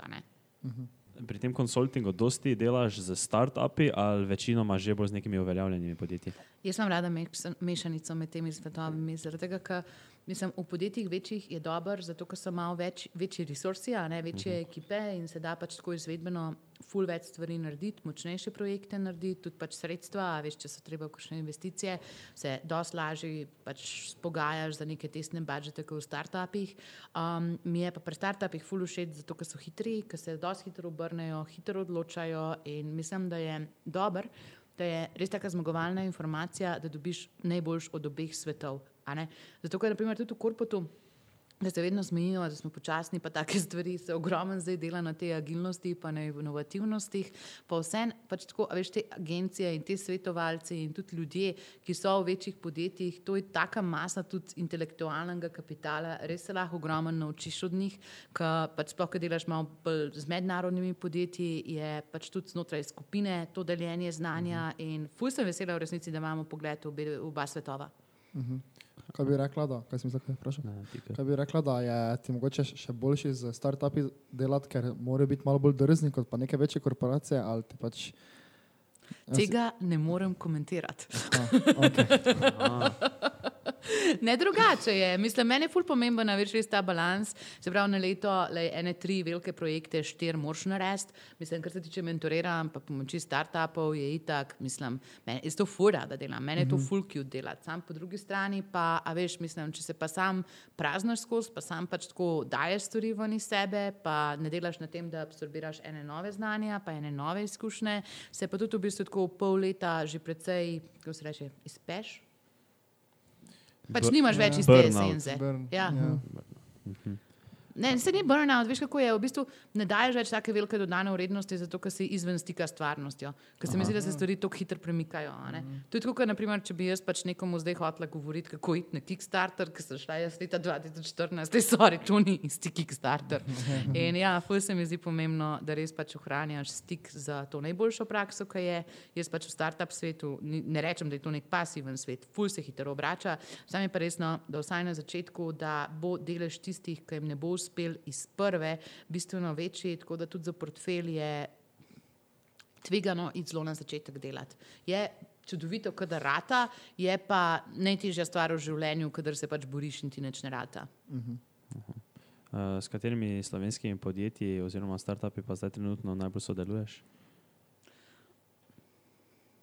Ful sem pod NDA, tako da to bi pa prosim rezal. Aha, okay. Tisto, okej, kar vidite okej. na spletni strani, Aha, okay, okay. tisto je verifajano. Hvala. Ok, dobro. Po pa, Kaj pa to lahko omenimo z Googlom? Ja. Deluješ Vse, kar je na spletni strani, ima Okej. okay. verifajano. Okej. Ja.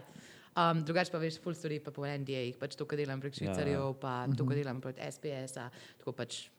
Mhm, ja, okay. Kako ti je, recimo, kako si sploh zraven prišla k Googlu? No? Ful smešna zgodba. Um, Pa jaz to, sem pač... sorry, te prekinem, kaj je to največja, največja korporacija, s katero sodeluješ? Ali je, uh, mislim, ker Google je, po mojem, ja, pač Google. Ne? odgovor je ja. Razen če z Apple delaš, težko kaj več bo. Ne, ful je bilo zanimivo, zaradi tega, ker res sem za mano prišla, mislim, glih takrat, ko se je delala ta jezikovna hrbtenica za slovenski jezik. Um, se pravi, to je na Androidu in pač to je projekt lokalizacije po vseh državah. Jaz sem pač vedno mislila, da ne vem, če si slovenc, da lahko prideš glih tja na Google Ads podporo za delati, nisem pač tega tehnološkega dela tako poznala.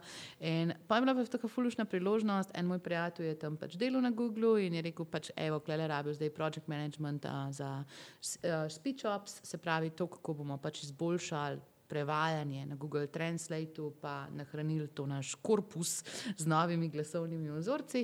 In pa sem dobila 12 ljudi za koordinirati, pač tako bili so neki doktori lingvistike tam, ful so bili v bistvu pač taki educated folk, tako jaz sem kar malo tako wow. tako okoljski so bili, res so bili jaki. In smo pač tako naredili te govorne vzorce, prefiltrirali ven napake, potem smo pač to dali nazaj v korpus, da se je nahranil in ven je prišel boljši language tool. Cool. Um, kaj pa to, ko sodeluješ z startupi, to mm, ta, tak, malo tako splošno vprašanje, ampak Ja. kaj bi, na primer, zdaj ti, ko si že sodelovala z toliko startupi, Ja. kaj bi rekla, da so prvo, kaj so največje napake, kaj delajo, pa, pa če bi povedala, ne vem, če je mogla reči tri največje, nas, najpomembnejše na svete, kaj bi dala nekomu, ki bi, če bi jaz za tebi rekel, jaz pa bom jutri začel moj startup, neki NFT startup bom začel jutri. na Dobro, primer. deva, deva tole razbiti v dve vprašanje, drugače mislim, da je odlično vprašanje. Tri največje napake, če ti ni neroden, ko si lončal, si lončal prepozen. pač tako to, da se res odlača s tem in pač da ljudje prefektajo ta svoj kontent, je, mislim, je precej časa, ki bi že lahko prodajal, ti gre v to in pač precej živcev in res je pač tisto, čim prej lahko, da je ven, pa poglej, kaj se ti bo naredil, pa res pač prilagodi to trgu. Pol ta druga stvar, ki je meni ful pomembna pri tem, je, da na začetku, že preden sploh razvijaš produkt, narediš raziskave z uporabniki. Tega jaz ne moram dosti poudariti, zaradi tega, ker toliko sem videla teh izdelkov, ki jih trg enostavno noče. In pa pač le lahko daš celo fangor, lahko narediš positioning drugače, lahko ga daš 40% prej, ampak lej, mislim, če ne ben noče imeti ne vem komore, v kateri boš fenal mačka. Ne vem, no, se lahko mm. veliko probaš, pa še pač mogoče kakšen drug trg, pa karkoli tasga, sam pač res se mi zdi ključno, da imaš um, eno tako bazo uporabnikov, ki so zainteresirani to že prej, pa po možnosti, da si predprodal, preden greš ti dejansko v proizvodno. Ker ljudje rečejo, veš, tako v anketi, ne vem, pač zdaj reče Miha, ne vem, pač tako, a bi imela za igvano pač škarice za rezanje kremplov. In jaz pa pač lahko rečem, ja, zaradi tega, ker ga nočem užaliti, ali pa zato, da bom imela mir in bo pač šel stran. Ampak pač jaz nimam ingvane in pač tako res ne bi tega nikoli kupila. Um, tako da, preden mu dam jaz cash na mizo, on ne rab verjeti temu, če bo jaz rečem ja ali pa ne. Ja, ne.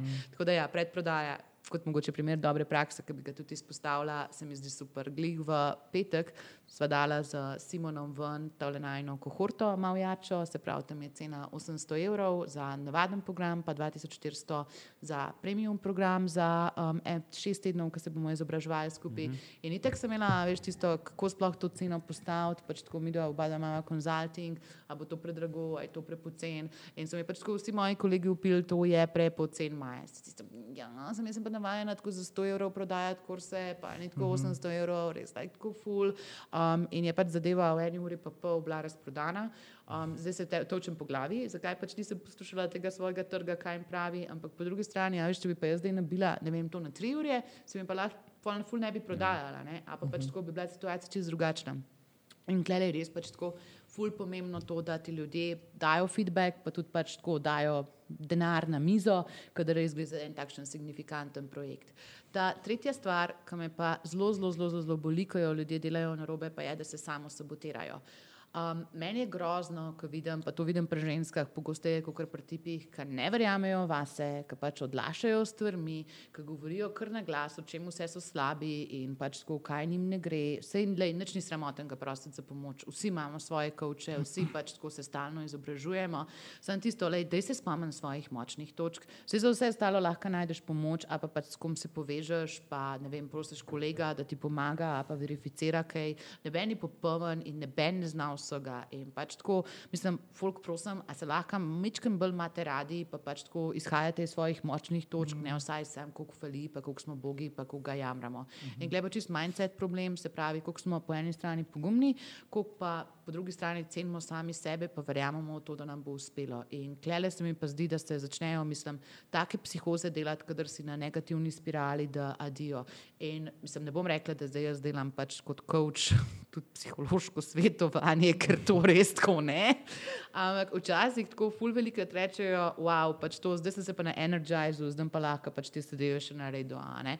Pa ne, da se jaz s čimerkoli spiritualnim ukvarjam, pač tako jaz sploh ne, uh -uh, nikoli, ampak vsem pač tako malo rabiš, včasih sam kakšnemu človeku nekaj povedati, a veš pa se tako malo nahajpati, a pa pač tako slišati, da nekdo verjame vate, a pa kakšno pohvalo. In kle se mi zdi, da je res ful, ful, ful, ful, ful pomembno, da vidiš, kva te driva, pa da se spomniš na to, pa da si v dan daš par teh mikromomentov, ki te delajo srečnega. No? Da nimaš feelinga, da se skozi sam nekaj žrtvuješ, pa da nekaj trpiš za svoje cilje. Um, zdaj, pa, če gremo še v bistvu na te stvari, ki so pa kaj najboljše prakse. Najboljši na svetu, kaj bi dala neki na svet. Kak, kak, kak si, ja, mislim, da poveš. Mislim, da sem že malo povedala, čez Ja, te na svete, negacije. tako da smo naredili kar sendviček. Ja. A ja, drugače pa tako, po mojem, najjači na svet, ker sem ga pa jaz v življenju slišala. Um, pač tako pa mi res ful, ful, ful, ful, ful pomen. Je pa pač enostavno to, da moramo mičkem bolj lahkotno živeti. Pač nič nima take resnosti, pač tako, nič ni tako pomembno, pa tako usodno, da bi se nam res zaradi tega tako življenje sesuvalo, ali pa karkoli tasga.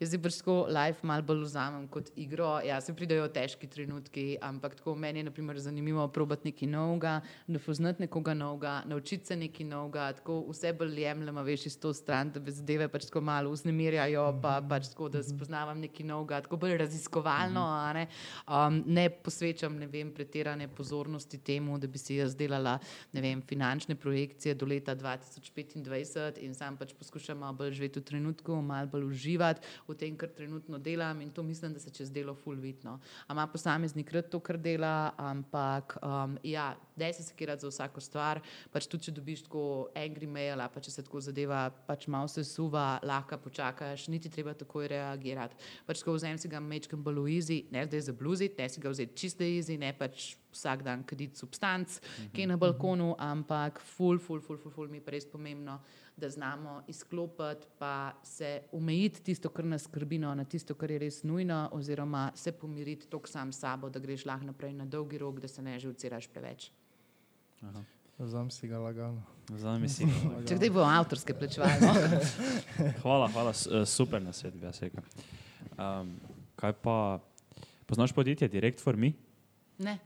A, ne, neki startup slovenski je. pa Aha. dela- To te, ker oni zadelajo tako dobro raziskavo za trg v Ljubljani, pa v Top. okolici, mislim, da delajo. Kaj pa delajo? Take paketomati so in se skenirajo z QR kodom, in veš, potem ti lahko naročaš, oziroma pač hočejo reševati ta problem, veš, da ti vedno moraš loviti. Um, Svojega dostavljalca, veš, Ja. yeah. naprimer, da ti nekdo pripelje, aha, nite doma, mm. -hmm. ok, vrejo ti bomo mi odpeljali tja, moš priti ono gor dol. In je taki paketomat, ko pač se postavi pred bajto, so veliki, mali, srednji, pač v glavnem in to, kar si naročiš na dom, potem ti on da noter, pa pa ti sam skenira s QR kodom. Pač predstavite so imeli na naši šoli, The best. Pa, ki sem se jaz pač prijavil na Top. to, ti MPM, mladi projektni menedžerji, pa je eno izmed podjetij to tudi bilo zraven. Ej, kako dobro. Ja, meni je pa drugače najboljša raziskava, no, ker sem jo pač slišala iz mojega kroga, zato, kako so delali pač tako ena kolegica, ki dela v Berlinu in oni so pač tako povabili folk v pisarno, fuj so se napili in pa so delali usability test aplikacije za taksije. a ne. Ker taksi ponavadi naročuješ takrat, ja, veš, mislim, da takrat, pač takrat moraš naročiti, takrat moraš zdati, takrat moraš Ja. priti čez ta proces. In ja, klele mislim, da je res pač tok, tok, tok, tok stvari, ki se jih lahko prav odločimo. A, viš, to moraš, pod vsemi pogoji moraš eh, raziskati situacijo. aplikacija je tako najboljša, če ima samo tako dva gumbeka, veš, Ja. tako druga ne. Kaj Tinder? Ali ja, ali pa ne. Pač. Swipe left, swipe right. Uh, Rej bi se še malo s tabo dotaknili tega Ja. ja. kripto, NFT, pa tega spacea, pa vse to, kaj je, sama kaj investiraš v kripto. O tem žal ne morem govoriti. Ne moreš nič, res ne moreš nič o tem povedati. Ne, veš kaj, uh, o esetih pa take zadeve, pa A, ne. um, ja, pač. Aha, ostaja tajno. Ne, da ostaja full tajno, ampak tako mi je malo, veš, mislim, lej, moji finančni podatki od podjetja so itak vsem na voljo na um, pač iPesu, ne. Že tukaj se mi zdi, da je full transparentnosti glede biznisa v Sloveniji, uh, kar se tiče pa tega, no, kaj je pa z drugimi eseti, pa Aha, okay. Kaj pa si nasploh recimo misliš o tem spaceu? Misliš, da je to neki mambo jumbo ali je to prihodnost? Aj, ne, meni se zdi fenomenalen, zato ker če jaz ne bi verjela v to, ne bi pač tako tri leta življenja praktično posvetila temu, da delam v spaceu.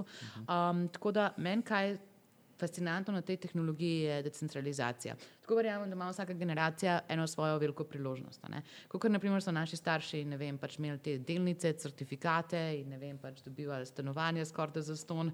Tako se mi zdi, da je zdaj pač tako en takšen vlak, ki ga moramo mi kot generacija vsaj konsiderirati, pa ga poskušati razumeti, ker um, ja, je ena izmed večjih sprememb, kar smo jih videli v zadnjem desetletju in definitivno tukaj, da ostaja. Ka, zakaj to verjamem? Tega, ker če ti pride Mark iz Metaversa in pove, da bo v svojem Metaversu podpiral NFT-je uh -huh. in da bo pač tudi tako uredil tam avtorske pravice, bi sem pač, da boš lahko tudi kot space creator, pa pač uh -huh. avatar creator, pač tako naredil fair monetizacijo tega, kar se drugače pač lej, v naših koncih pač še vedno prerado piratizira. Um, se mi zdi to pač tako en takšen mehanizem poštenosti v družbi, en takšen dober način distribucije. Pa všeč mi je, zaradi tega, ker ima full nizke vstopne ovire. Se pravi, teoretično ne rabiš pač ti milijona, da nekaj obrneš, kot si ga imel pač, ne vem, pri tradicionalnem pač vlaganju v sklade ali pa karkoli tasga, ampak lahko že z manjšimi zneski. Jaz glih pač tako En primer, če sem gledala par dni nazaj, se pravi, kupovali smo za 5 jurjev, pa sam tako neki etra je bilo tako nekaj tega čist majhnega, zdaj je to vredno 30 jurjev, pa sem pač tako malo počakali smo in to bilo pač to, a ne, in pač tako, lej, jaz vedno rečem, pač tvegi tisto, kar se lahko zgubi, pač to je tvoj play money, to je pač nekaj tazga, kar pač v vsakem primeru moraš pozabiti in ne čutiti vsake zgube, ki pride pač v tistih številkah tam, ki jih gledaš. In jaz sem imela s tem včasih. Ne bom rekla, ful težav, ampak pač, ko sem jaz mogla dnevno spremljati cene, me je to stresiralo, a veš, me je tako malo naredilo živčno. Mm. Ker se ne zgubljaš, tako realno ti ne zgubljaš vrednosti. Sam pač potem, ko se pa začne v komunitih tisti um, Ja, ja. valiti, Vpliva to. Je, Totalno, a ne? in psihološko, mislim, te ful, ful, ful, ful hitro zaznamuje. Jaz sem vedela, kakšen dan bom imela, sam če sem šla na Coin Michael Cap, pa pogledala, če je rdeče, a je zeleno. Ja, ja. Pač jaz sem točno vedela, kva me čaka ti dan. Ja. In ja, definitivno verjamem, da tehnologija je močna, pač tako mi tisto, kar smo delali, je bilo itak pač tehnologija sledljivosti in to je pač tako tehnologija, ki jo uporabljajo BSI, se pravi British Standards Institute, pa Walmart uporablja tako tehnologijo, pač podjetja, ki so ful prevelika, da bi v tem failala, tako da to je praktično iz moje vidika že verificirano, da pač tako je neka utilizacija v industrijskem sektorju, kar se tiče pa valutnega dela. Jaz pa pač, a veš, svedno ne smem komentirati in ne dajati finančnih nasvetov in take zadeve. Sam ja, jaz temu rečem pač tako playmani, zanimivo mi je biti v tem času živ, uh, živa, mislim tako pač pogledati, kaj se dogaja. Um, lej, ne bi se pa tudi niti tepla po glavi, če bi zdaj le, naprimer, na vrhuncu kaj kupila, zaradi tega, ker se mi zdi, na dolgi rok, da še vedno pač, lej, mi problem naš je, da smo neočakani. Ne? In, naprimer, če si kupil, ne vem, 2,7. Je pa res, da sem zadnjič ugotovila, da sem eno hitro izgubila in zdaj besno iščem geslo od uh, met, um, Metameska. A, ja, naprimer, dan, to, kar si rekla, pač vpliva na tebe, pa da bi se mogel da Mi skupaj živimo v Mariboru v stanovanju. ne. Cool. Uh, danes zjutraj njegove prve besede, kaj so Ja. bile, ko je stopil ven ze sobe, jaz sem tako sedel, Ja. ja. pa sem jedel, pa on odpre vrata, alo, Bitcoin je na 47, pa meni se je dan pokvaril, jaz tako, no, kaj? Jaz odprem, ni res, ni res, odprem kot Michael Cap, še vedno piše 57, jaz ono, eh, da nas se zabava, refresham 47. Me ono malo me stisne, Ja. ja. pa bil še ono, se jaz hodlam, veš kaj mislim, jaz imam Ja, diamant, diamantne roke, ne, to zdaj meni pa ni. Ja. Ne, lej, mislim, jaz imam ful prijateljev, ki so aktivni traderji. Jaz pač, ko kadar imam kaj tasga, a ne pač prosim za pomoč, uh, zaradi tega, ker sama bom rekla, da imam malo prešipke roke in da pač tako, mislim, se, Imaš se težko odločam. Papirnate roke imaš. Nimam čist papirnatih rok, ampak tako lažje mi je, da pač to dam tako upravljanje, pa pač kakšen inštrument, da se mečken, mečken, mečken diversificira to tveganje, a pa pač da enostavno na to pozabim in grem čez en let pogledati in vidim, kaj se naredi in ponavadi sem dobre volje. Res. Razen če zgubim geslo. En celi eter si izgubila. Lej, ne vem, če sem ga zgubila, jaz tisti Pa pač- računalnik še imam, sam pač skrekati ga moram. Wow. Lahko počakamo na nekaj, ne veš, eh, quantum computer se da bo, lahko blo blockchain hacker, ne boš pa dobro. Ne, ampak lej, mislim, to je tisto, veš, kot si ne vem, z bitcoinom kupil pico, pa lej, Ja. pač tako misliš, zdaj, pač misliš, da si zdaj milijonar zaradi tega in pač tako a, hodiš v terapijo, zato ker imaš takšen fumo, da nisi milijonar, ker si to pač naredil. Ne vem, če. Klej se mi zdi, da je res pač tako, no, nikoli vseh jajc v isto košaro, pač tako ne kupovati kriptovalut s kakšnimi krediti, a pa kakšne koli take zadeve. Mislim, lahko, če želite, ampak to je meni tako ena taka stvar, ki jo delam on top, se pravi nad ja. tem, ker imam že vse stvari v življenju nekako preskrbljene, se pravi svoj vrčevalni račun, svojo rezervo, ki jo rabim imeti pač tako čisto finančno in to, da imam pač tako neke prihranke tudi v drugih zadevah. Tako ne grem 100% in v kriptovalute, ker je moja osebna izbira, nekateri ljudje se odločajo drugače. Dobro. Mi pa smo full ono, note. Mislim, ker pač, ker če smo študenti, veš, ono, zdaj Ja, ja, nimam nič. Najhujše, kar se mi lahko zgodi, je, da se moram nazaj domov preseliti, pa še je to, to. se, pa še to se mi ne more, ker te Ja. pač greš delat, Ja. pa ga haslaš, pač bolj ne. No, se ga se zdaj dosti haslaš, ampak še bolj je bi ga pač vse ali nič ne. Ono, Ne, pa se pa vidiš, a veš, mislim, tako neki prihodki ti rabiš za to, da normalno živiš. Mhm. Uh -huh. Pa pa vidiš, če daš ne vem, 10% tega prihodka noter. Ali pa Ne vem, 90. kako je. 90. Saj A ne, res? saj Ne, ne, ne. A, okay. Ne, le se pač tukaj le ni univerzalnega recepta, vsak dela pač skladno s svojimi vrednotami, s svojimi finančnimi cilji, ki jih ima. Ne?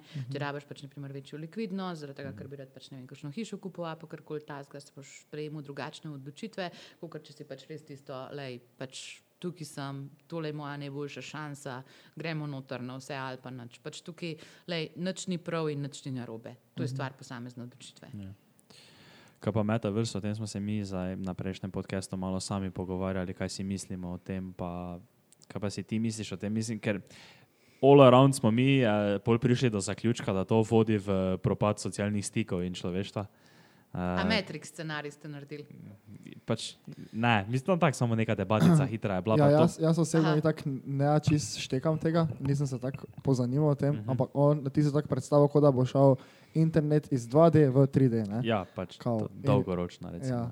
In smo Ja. rekli, kao dolgoročno bo potem boš imel VR, gor headset in boš se s kolegi pač družil tak na ta Ja, način. Matrix ste naredili. Ja. Ja. In nam to recimo ne odgovarja najbolj. Ne. Ja. Ne, pa se tukaj, le, veš, mislim, vedno, kadar se naredi sprememba v tehnologiji, se ljudje normalno tega bojimo.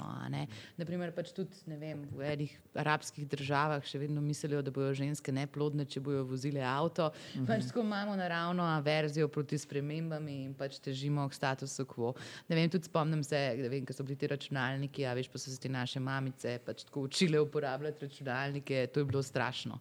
Um, zdaj pač tako, mislim, vsi visimo cele dneve na računalnikih, služb je več, njih manj, Neben zaradi tega pač tako ni na stradu, a so se zaradi tega spremenile naše komunikacijske navade, naše socialne navade. Sigurno, ampak jaz bi temu rekla, da socialni stiki postanejo samo še bolj cenjeni. Naprimer, če tako pogledaš, pa jaz zdaj nočem pač tako izpadati, ful preveč plehka, ampak če sam pogledam moje prijateljice, kire coachinje in kire pač tako asistence, mi vse imamo. Pač tako imaš načeloma pač človeka, ki ti pač pomaga pri postavljanju stanovanja, ne? Mislim, tako, da pač, ko si preveč zaposlen, pa ti ne uspe. Pa imaš pač tako, jaz sem zdaj imela trenerko za psa, se pravi, da smo imeli individualne ure s psom. Pa sem imela pač tako, ne vem, eno punco, ki mi pomaga te outfite za snemanje narediti. In pač to so vse full cenjene storitve v bistvu. Potem full, full, full, full, full hrepeniš in to full ceniš. In naprimer tudi v športu, jaz imam po moje, mislim, trenerja zaradi tega, ker rada klepetam zraven. Meni pač res nisem preveč motivirana, to, da bi dosegla neke cilje tam, ampak pač tako paše mi družba. In ta družba, lej, če bo kaj, bo bolj cenjena. V moji teoriji, v moji glavi, zato ker itek pa to ful rabimo. In tako le, veš, ko smo na podeželju, tukaj le imate še vedno bolj pristne osebe. Jaz pa s svojimi sosedi se pogovarjam, dober dan, kdo bo pograbil listje, a pokličemo snago ali pač tako pokličemo želvo. Okay. Ja. To je res, ja, to je mogoče neki drugi spektr, Ja. ki si ga zdaj ti povedala, ne, ker eh, mi smo vsi tu tako. Uh, Mi smo se- samo najslabše gledali v tem. Ne? Mi smo gledali zdaj to, kaj se je do zdaj že zgodilo, ne vem, mlajšim ljudem, ker naprimer, ko smo pač mi bili ono čist. Uh, zdaj, samo če pogledaš, neko sem jaz bil star med 10 in 15, jaz sem vsak dan bil v parku, pa sem metal na koš, pa sem tam delal mojo socializacijo. Ne? Ja.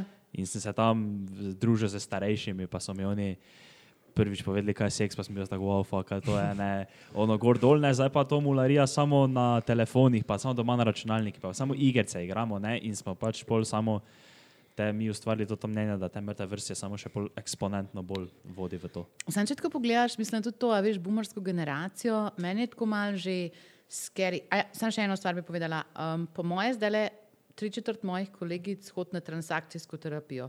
Pa pač tako, mislim, ima Kaj je to? psihološke svetovalce, jaz tudi ne vem čisto točen, tako da ne bi glihojete razlagala, ampak ne, pač tako ljudje iščejo, a veš, pomoč psihologov, pomoč pač najrazličnejših svetovalcev, zaradi tega, da pač enostavno držijo stik s to stvarnostjo, v kateri morajo živeti. In to se mi zdi, da nam je korona dala take preizkušnje, da res sadijo pamet, da lej, jaz tudi, če pogledam, koliko mojih parov je šlo na razen, ne teh pari, ki smo bili prijatelji, pa smo se včasih ful dobro uh, družili, pač tako, mi smo bili res šokirani, da se take zadeve dogajajo, pač tako nič nam ni bilo jasno. In ja, če moramo biti na kaj pozorni, se ful strinjam, da moramo biti pozorni na odnose um, in na to, kakšno kakovost predstavljajo v našem življenju. Kar se tiče pa tega, kaj smo se pa naprej pogovarjali, no, um, navad, pa tehnologije, pa take zadeve. Mislim, da se bomo enostavno mogli spremeniti. In da enostavno pač tako, veš, če pogledaš že tisto, ki si imel včasih stacionaren telefon, a pa pač internet na modem, pa tisti kabel, pa take zadeve. Zdaj pa pač imamo skozi telefone, bulmo v telefone. Mene, na primer, je ful nevljudno, če kdo, ko se mi pogovarjamo, pač ko gleda v telefon, ampak eni ljudje pač to stalno delajo. ne. In ja, tako se nekako počasi razvijamo z družbo. In metaverse, jaz vidim, naprimer, pač pri teh mojih bumerčkih, pač tako malo starejših sorodnikih, oni so vse obveščeni. Pač to je itak na Facebooku tako ali pa tako. Oni tam pač zgledajo informacije in pa se pogovarjajo o tem, tudi v fizičnem življenju. Pač to je njihovo neke vrste okno v svet. In zdaj, če je to okno v svet 2D ali 3D, je meni pravzaprav vse. Pa sem zelo tečna na področju informacijske varnosti in tem, kako si morajo oni gesla zaščititi in kaj kupujejo. Tako da meni se zdi, da bojo izzivi in da je treba intenzivno delati na osveščanju posebej ranljivih skupin, zaradi tega, ker bo prišlo do prevar in bo prišlo do zasvojenosti, ampak dokler si pač tako seznanjen s tveganji, ki so okrog tega, mislim, da vsaj pač odrasle os- osebe bojo znale narediti odločitve, ki so v njihovem interesu. Nisem pa niti ne pristašica, veš, temu, kar se reče, ne vem, nanny state, a pa pač tako, da se pretirano ščiti ljudi, zaradi tega, ker na zadnje, le pač ljudje porabljamo denar za to, da gemblamo, za to, da pijemo, za to, da kadimo. Mislim, kaj bomo zdaj dobili bone za hrano in pač tako nam bo regulirano, kako lahko svoj denar porabljamo. Uh -huh. To mi je pa tako malo že, se veš, kršenje svobode pa človekovih pravic. Je. Ja. Uh, zadnja stvar še. Ti imaš v resnici tudi svoj podcast, to še nismo ja, danes nič ja. omenili. Da, Ampak vse so že vsi, saj so že vsi videli, ker sem jaz kaj pa ti misliš o tem. uh, prečekirajte od spodaj, če bi radi slišali več o podjetništvu, pa pogovore z uspešnimi ljudmi iz podjetništva, startupov slovenskih, bolinkano od spodaj. Top, hvala lepa. Um, pa nas zanima, da primerjamo malo, naprimer, kak je naš način neke priprave, pa kak je tvoj, kako se pa ti pripraviš za na neko eh, epizodo. Prvo, ok, dobiš gosta, kaj pa pol od tam naprej. Jaz preferenčno snemam z ljudmi, ki jih poznam. Uh, se pravi, jaz prek te svoje skupnosti, Growth Hacking Slovenija, ki ima 5700 članov, imam precej dobro okno v svet, a ne pač tudi toliko smo že stari, da približno veš, kaj kdo dela, kaj se z njim dogaja, pa pač tako na LinkedInu tudi ogromno teh trendov ujamem. Um, tako da, ja, preferenčno delam z ljudmi, ki sem jih prej že spoznala, ki cenim njihovo delo in pač tako vem, da se da predvsem od njih zelo veliko naučiti. Um, to je ne predpogoj, da se to mora nujno narediti, ampak vem, da bo pogovor ful lažji stekel, kot z nekim človekom, ki se prvič vidva, pa vi, a veš, vse snemate v živo, jaz snemam remote, zaradi tega, ker pač sem imela ekstrem korona scare in sem skinila, kjer kolektivnosti so se dale za določen čas. In kako se jaz pripravljam, je. Ful pomembno, kar smo tudi mi danes naredili v tem podkastu. Se pravi, če je nekdo, ki veliko govori, da delamo nove teme z njima. Ne? Da ni skozi eno in isto, uh -huh. ka, tudi kot govorec, blazno se naveličaš enih in istih vprašanj skozi. Pač tako groza, ki je odgovarjati. Naprimer, moj, kaj je growth hacking, pa kaj je work-life balance. Ampak uh -huh. dobro, pač ko razumem, vedno je pač kdo nov, um, definitivno z veseljem evangelizem znanost naprej. Ampak ja, pač ful pomislim na to, da bo tudi sogovorniku, se pravi gostu, pogovor zelo zanimiv. Pa pa I'll do a little research. In grem na internet in pač tako pogledam, kje so ti glavni njihovi dosežki. In tako jih ful stokam na LinkedInu, ponovadi moja, a ne, in pač grem pogledati čez par njihovih teh postov. Um, vedno pa gledam iz prizme, kaj se lahko poslušalci naučijo iz tega pogovora. Ker jaz sem čist živčna, če pač tako nekaj poslušam in imam feeling, da ne vem nič novega, da nimam nobene dodane vrednosti, da se nisem nič novega naučila. No. Vsaj jaz pač kot poslušatelj res imam to bolj kot izobraževalni vir, ne glih neki, da mi hitro mineva čas, zato ker so zabavnejši ljudje od poslovnežev za poslušati in mislim, da pač tako imamo segment podkastov, ki zelo dobro izpolnjuje te potrebe. Um, tako da ja, to je to, pa pa napišem skripto, ponavadi naredim od 11 do 13 vprašanj, um, uvodnike napišem vsem, um, pošljemo naprej gostom, pač tako in kaj sem napisala v uvodnik in pač kera vprašanja bom vprašala, potem na koncu imamo včasih še kakšno zahvalo sponzorjem, a pa pač kakšen poziv dejanjem, ki jo imamo.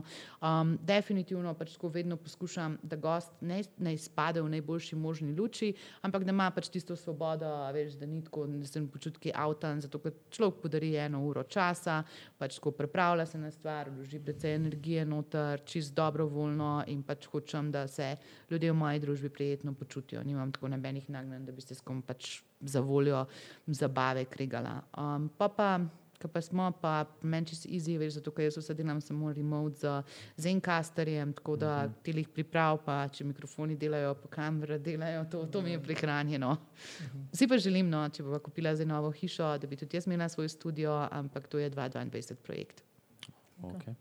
Um, Zanimivo je, to, ker sem pogledal oni podcast, ko ste bili za Klemnom, pa za ono punco, ki O, je rada svoj, glede sladkorne bolezni, Ja. ja. začela. Ne, pa tam je bilo zelo zanimivo, da si omenila, da si že parkrat naredila to, da si nekoga pač skenslala. Ono ni Ja. ja. bilo flowa v pogovoru, ja. uh, kako kak to zgleda. Ker mislim, eh, če smo čisto realni, ne, Ja. ja.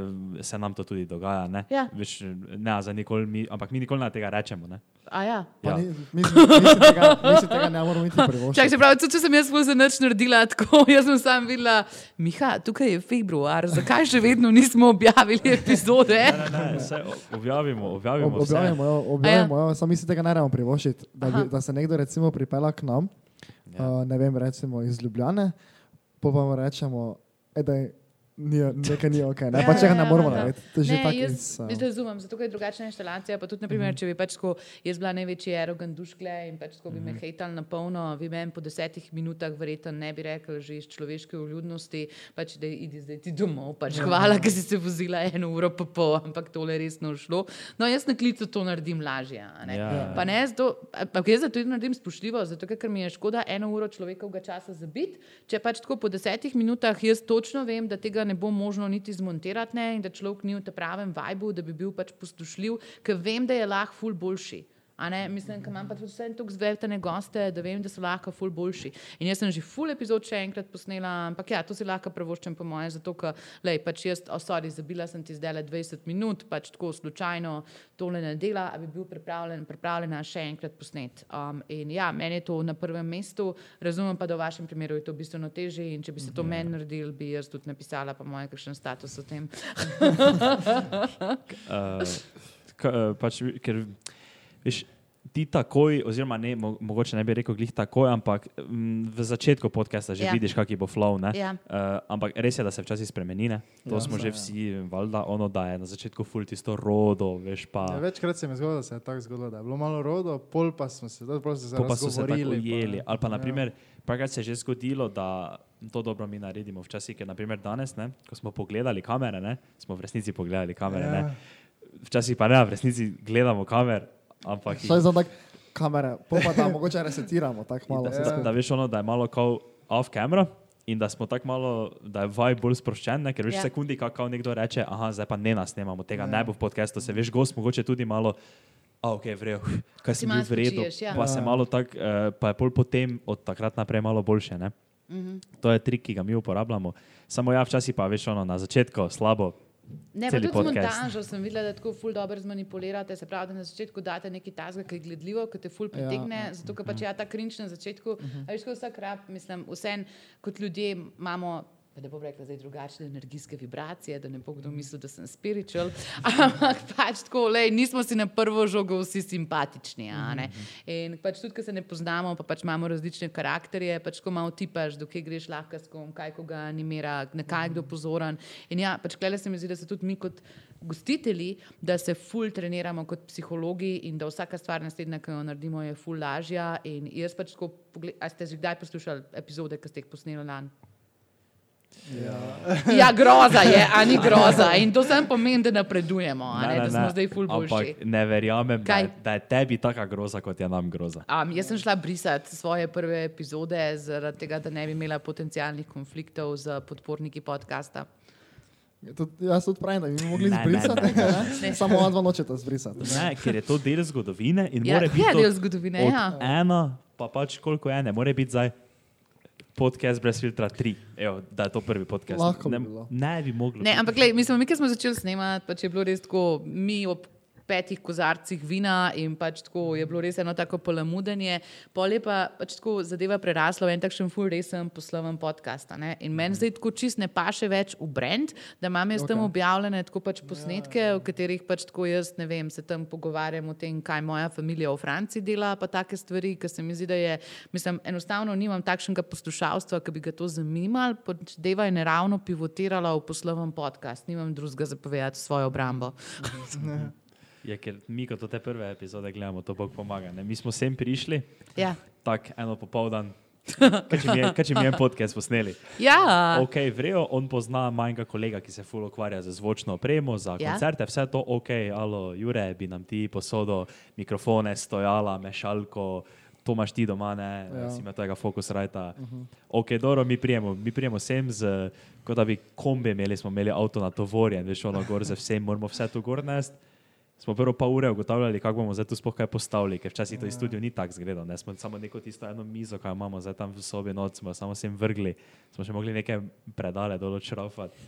Po pa smo itak, tak, sploh nismo imeli skripta, veš, ker nismo, imeli, nismo Ja. vedeli, kaj bi se tako pogovarjali. Nis- Veš, ono, lahko bi šli tisto pot, da bi se o sebi pogovarjali, veš, pa bi samo od nas govorili, samo smo mislili, kaj, koga te zdaj zanima, če smo mi kereni, zdaj smo včeraj smo začeli podcast, ne? In pa smo rekli, nič, te pa se bomo pač nekaj splošno pogovarjali. Te pa smo si sproti šli. Ne pa še tako veš, da aha, nekdo še nam je vprašanje poslal. Jaz sem si izmislil, ker neko redno. Ne? In, eh, Pač, uh, Sam, to je pa naslednja stvar, ki si jo jaz želim zelo delati. Pač sem že omenila, jaz bi fura, da imela božično epizodo s tem, da bi mi nekako poslušalci poklicali mm. in da bi mi malo to debatirali. Ne vem, kako naj tehnično to izvedem, ampak mislim, da je bilo to najlepše darilo, ki ga lahko damo nazaj temu komunitiju, a ne ka nas spremlja. Se pravi, super fene bi povabila in bi pač tudi oni povedali nekaj besed, pa pač, če imamo kakšno vprašanje. To je pa stvar, ki si jo jaz blazno želim, pa jo ne znam tehnično izvesti.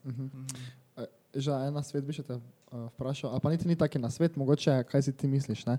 Recimo, mi včasih posnajamo uh, epizodo, pa držimo se tega, da vsaki, me, vsaki teden uh, objavimo. Ne? Ja. Ampak včasih posnamemo epizodo, ki je že takoj, ko gasnemo kamere, smo tako, ok, to je slaba epizoda, ne? ampak vseeno hočemo objaviti, zaradi tega, ker pač je boljše za Za algoritem. konsistenco. Ja, pa za konsistenco, za konsistenco. Ampak kaj misliš, da je boljše, da ne objavimo, pa imamo pač razderemo tudi naš ritem, ali objavimo, ampak je slabše, pač slabši kontent. Lej, ne moreš vsake epizode narediti vrhunske. Ja. Mislim, v Sloveniji ti tu zelo hitro zmanjka gostov, pa njihove razpoložljivosti.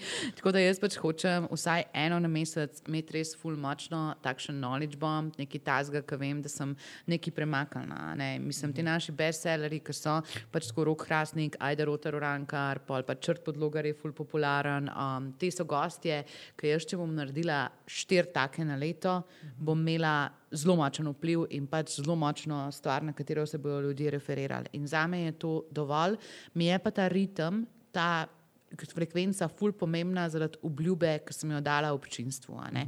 In naprimer tudi poleti sem se ful potrudila, da kljub temu, da mogoče niso bile krem bela krem epizode. Da občinstvo, ki se zanese na nas, ki nam zaupa, da pač tedensko kreiramo kontent, pa nas nagradi svojo zvestobo, svojo pozornostjo. Če mi ne bi šlo, bi raje rekla, da grem na 14-dnevno frekvenco, a pa na mesečno, kot da bi zavestno, brez tega, da je res nekaj narobe, pa zaradi tega, ker se meni ne da, ampak because I don't feel like it. Jaz bom sebe prej snemala, preden bom dala teden brez um, epizode ven. In včasih so tudi take epizode full dobro lendale. Tako da to je tako kot trening. Veš, nimaš tako vsakič, ko greš na trening, pač tako najbolj vrhunskega treninga na svetu. Pomembno je, da greš, da se prekažeš in da pač na dolgi rok napreduješ in da imaš pač tiste svoje milestone narejene. In to je pač moje mišljenje. Zdaj, razen če ti pa kakšna taka epizoda res taka, da pač rečeš, o moj bog, to bo kdo do konca poslušal, pač tako jaz rajš ne bi, pa je pa pač poklicala gosta še enkrat, se pač upravičila, če lahko še enkrat posnameva. Te epizode, ko je on zdaj omenil, to so ponovadi take, ko jih imamo sami. Ne? Ampak meni so kul. Cool. Ja, valjda. Pač, ja, sej, Ne, meni je ritem ful pomemben. ja. Ja, meni tudi se. Pa, i, pa itak, eh, zdaj, če jih imamo že 50, mislim, da tudi naše občinstvo, ki nas res spremlja, že itak ve, ok, to ta bo mogoče tak, tak, ok, pa, pa bo spet, ne čez dva tedna pa bo spet nekaj dobra, ne, pač tak, ne vse so se po manj že tako navadili, da smo bolj taki. Ja. Ja, ampak zdaj je problem, ker mi smo rekli, ono, da do konca leta moramo priti do 50 epizod. Ne? In je Ja. glih tak, zdaj smo mogli bi imeti dva tedna fraj pred koncem, Ja. ja. pa pol po novem letu spet. Uh, ampak smo zdaj eno mogli spustiti. Zakaj smo že mogli spustiti? Ker je bila, a ne, Čist slaba. Ne. ful, bila je zelo, zelo slaba, pa še jaz ne videl bom od izbrisa. Tako je bilo. Tako je bilo. To se nam je tudi zgodilo. Dobro, ne pa le, to so Ja. stvari, ki se dogajajo, pač expect the unexpected. Ja, dobro. In zdaj pa Zdaj pa nimamo več možnosti, ker te pa bi imeli, te bi mogli V Pragi. v Pragu, ko gremo za novo leto, ne bi mogli tam od tam uploadati ti video skoraj, ne. Tako da pa Kaj pa, pač, če si ga šedulaš, pa daš del, del, del Ja, ena, ja, del saj dve, lahko. božična epizoda. Ja, ampak itak zdaj imamo v redu, zdaj imamo točno razporejeno, the best pa še course. goste, pa to do konca, tako da bo zdaj 50, vsaj upamo, da. Uh, tako da mislim, da zdaj več nema problema, ne? ampak smo mo mogli, moramo včasih kakšne take zgurati skozi. Kako pa to, da še te kleme ni povabil na A idejo? ja, res. Jaz sem Klemena povabila že dvakrat in po mojem imamo mi dva že tako sparjeno občinstvo med sabo, da nič hudega, če nimamo še tam pičerja. Ne, Klemen je drugače kot Great, mi smo pri njemu pač snemali štarte Slovenijo, um, ful je dober, pač tudi, a veš, koliko je zdaj sodeloval v tem bolj charity podcastu, ki smo ga imeli, se pravi, da podcast o podcastih, to mi je bilo ful lepo od njega. In jaz pač skozi njegovo vsebino, pač kot audience ne vibram, ful mojih prijateljev je pač tako the best, um, meni pač so res, mi je ljubši format tega, da imam poučne podcaste, v katerem se ful naučim in pač imam nekaj tehničnega, mal mava različne spektre. Čeprav glih zadnjič je pa imel on Simona Belaka, ki je ful zanimiv, ne pa pač tudi filozofiji ste se dosti pogovarjala. Jaz pa moje enostavno nimam. Um, Tega spektra, ki ga on pokriva. Se pravi, z mano pogovarjati o work-life balance, bi se bilo zbudil se ob petih ujutro, potem dela pet ur, potem pač tako pojej kosilo in delali še malo. Jaz pač mislim, da mi je po lifestylu, da smo si ful drugačna in mi da se v mnogih stvareh ne strinjava, se pa spoštujeva, kar mislim, da je zelo očitno. Ja. Ja, No. ker na tistem podkastu sem videl, tak, da se nista strinjali. Noč se Ker nista strinjala. Ja, Niti ene stvari. ti ono, full pač tak, TTT, mora biti ono, če več čez to moramo podcast že vstaviti, ne, ker je že predolgo tu, že watch time pada, ne, klemen pa pač, nič pač. Se- Jaz si se- se predstavljam menimo. svoje občinstvo kot 500 klemenov, ta je bila meni najboljša. Um, ne, več ja, drugačno. Veš, mislim, jaz ne živim tega življenja, kot ga oni živijo. Pač tako, moja filozofija je čist drugačna, pač čist druge vrednote imam ne na zadnje. Kar pa ne pomeni, da se mi da kot osebe ne razumeva, a pa ne spoštujeva, ker totalno ni res. Kaj, ko si rekla, ne živiš tako oni, misliš kot Jani, Andrej pa Klemen, kaj, da živijo bolj sproščeno, Andreja imam jaz zelo rada, on je pač moj prijatelj. Jaz sem pač ena izmed prvih, ki so dali donacijo za Astro, takrat, ko si pač prvič slišala za idejo o nekem tehnološkem parku. Uh, z njim sva dobra prijatelja, skoraj že desetletje, tako da o Andreju pač tako mislim samo najlepše. Ampak lej, meni teme, kot so vem, spiritualnost, meditacije in take zadeve, lej, preprosto niso blizu. Pač tako moje odkrivanje same sebe se začne in konča pri tem, se stisnem med dva psa in rečem, jim, kako si pa ti luškan. In to je pa to. To je pa to. Pač Smisel tako več pa reče, ne vibriram. da je A? Klemen je- Smisel ravno reči, da je Klemen zelo tak eh, spiritualen, Zelo. pa ravno Zelo. kontra. Ja. Ja, ja. Okay, zakaj si kaj pomeni, če si kot spiritualen, ne to žalil? Daj povej. Ne, ne, ne, ne, ne, ne. Pač pač pojma. ne. Ne, pač lej, drug Rekel življenjski stil je, Ja, no, in itak, jaz ja, pač saj res to o je- tem nimam to je nič za normalno. povedati. Ja, nič, mislim, mislim, da je to to, zdaj že moče watch time pada, zdaj že ko gre proti koncu. Pa najboljše, da kar zaključimo. Bi še enkrat bi se raj zahvalili, da si prišla. Ja, se res je. Uh, mogoče bi še jaz se zim zelo vprašal. Mene, da me zanima. Ja? Z- Ja, dobro. to me zanima. Kaj pa ti misliš, da, da je za uspeh bolj pomembno sreča ali trdo delo? Oboje. Tako res Ja, slab odgovor, ampak ja, te, jaz saj. bolj verjamem v ta serendipity. Ja. serendipity je ful dober zaradi tega, ker pač ne, neki momenti, ki sploh nisi vedel, da bodo pomembni, malo pa v življenju pač tako čist preveč teže. Naprimer, ker spoznaš svojega partnerja, a pa naprimer, ker si se prijavil na neko izmenjavo, a pa na nek job. Ne? Mislim, stvari, ki ne veš, da so tako pomembne, ki jih delaš, ampak tako serendipity je, da pač enostavno pol bajo tako begalvolansko težo. In moraš biti ustrajen, moraš verjeti zase, vase. Jaz pač rečem vedno, da je še pomemben full mindset, to, da se pač ne vdaš in da pač tako le tam ne obupuješ in se šest mesecev sprašuješ, kaj če bi nekaj naredil, kaj če bi imel strah z razvrnitvijo, jade, jade. Pač to pri meni ne gre v mojem sistemu in um, pač tam gremo, sam pač tako naredimo stvari in pač časoma, lej, enkrat si že v pravem času na pravem mestu, če si dosto ustrajen, ti bo enkrat že najratal. Drugače pa tudi, kom rekla, ljudje spoštujejo ustrajnost, spoštujejo trud. ne. Tako da, če si res konsistenten pri tem, kar delaš, če si res pač tako noter, pa se profesionalno obnašaš do stvari, um, je super. Ful ti pa pomaga tudi močna mreža, predvsem pa temu, da si blizu informacij, ljudi in nekih ne bom rekla zdaj energij, ampak intelektualnih tokov, ki si enostavno lahko ena izmed prvih na tem področju, kar je pa neprecenljivega pomena, zato ker to je pa modri ocean in tam pa nimaš konf- konkurence in fulaži zmagaš. Okay. Okay. Super. Hvala. Kaj naj prečekirajo Čakaj, od to še spodaj? samo, to še Ja, samo, da kaj, se ja? Taki avtor naredimo.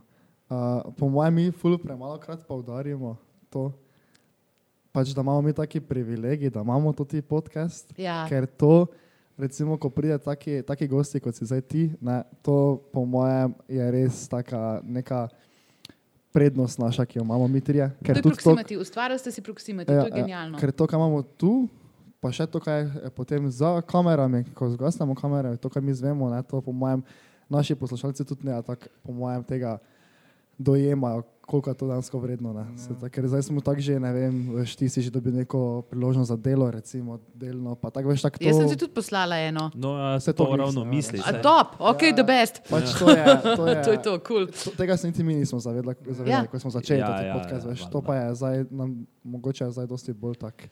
Smisel ima več ljubic. Pa to tudi. Punce, če vas zanima.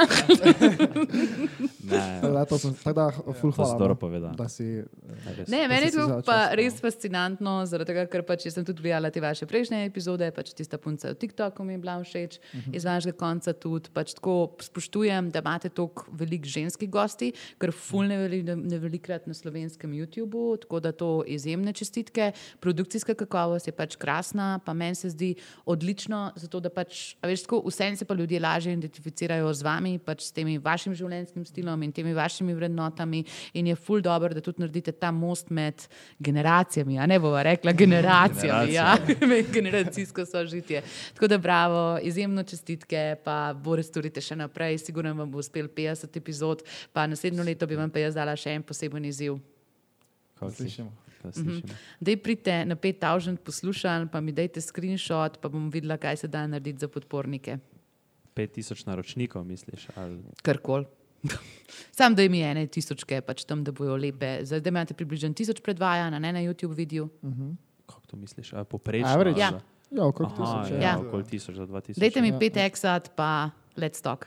Okay. Pa ne velja najet Filipinotov. Si mu kupili nekaj viewse za 10 evrov z neke spletne strani. Top. Hvala lepa, Ok, fanti, super je ok. bilo. Ni, hvala. hvala. Pa se mi vidimo naslednji teden. Čau! Ciao, srečno.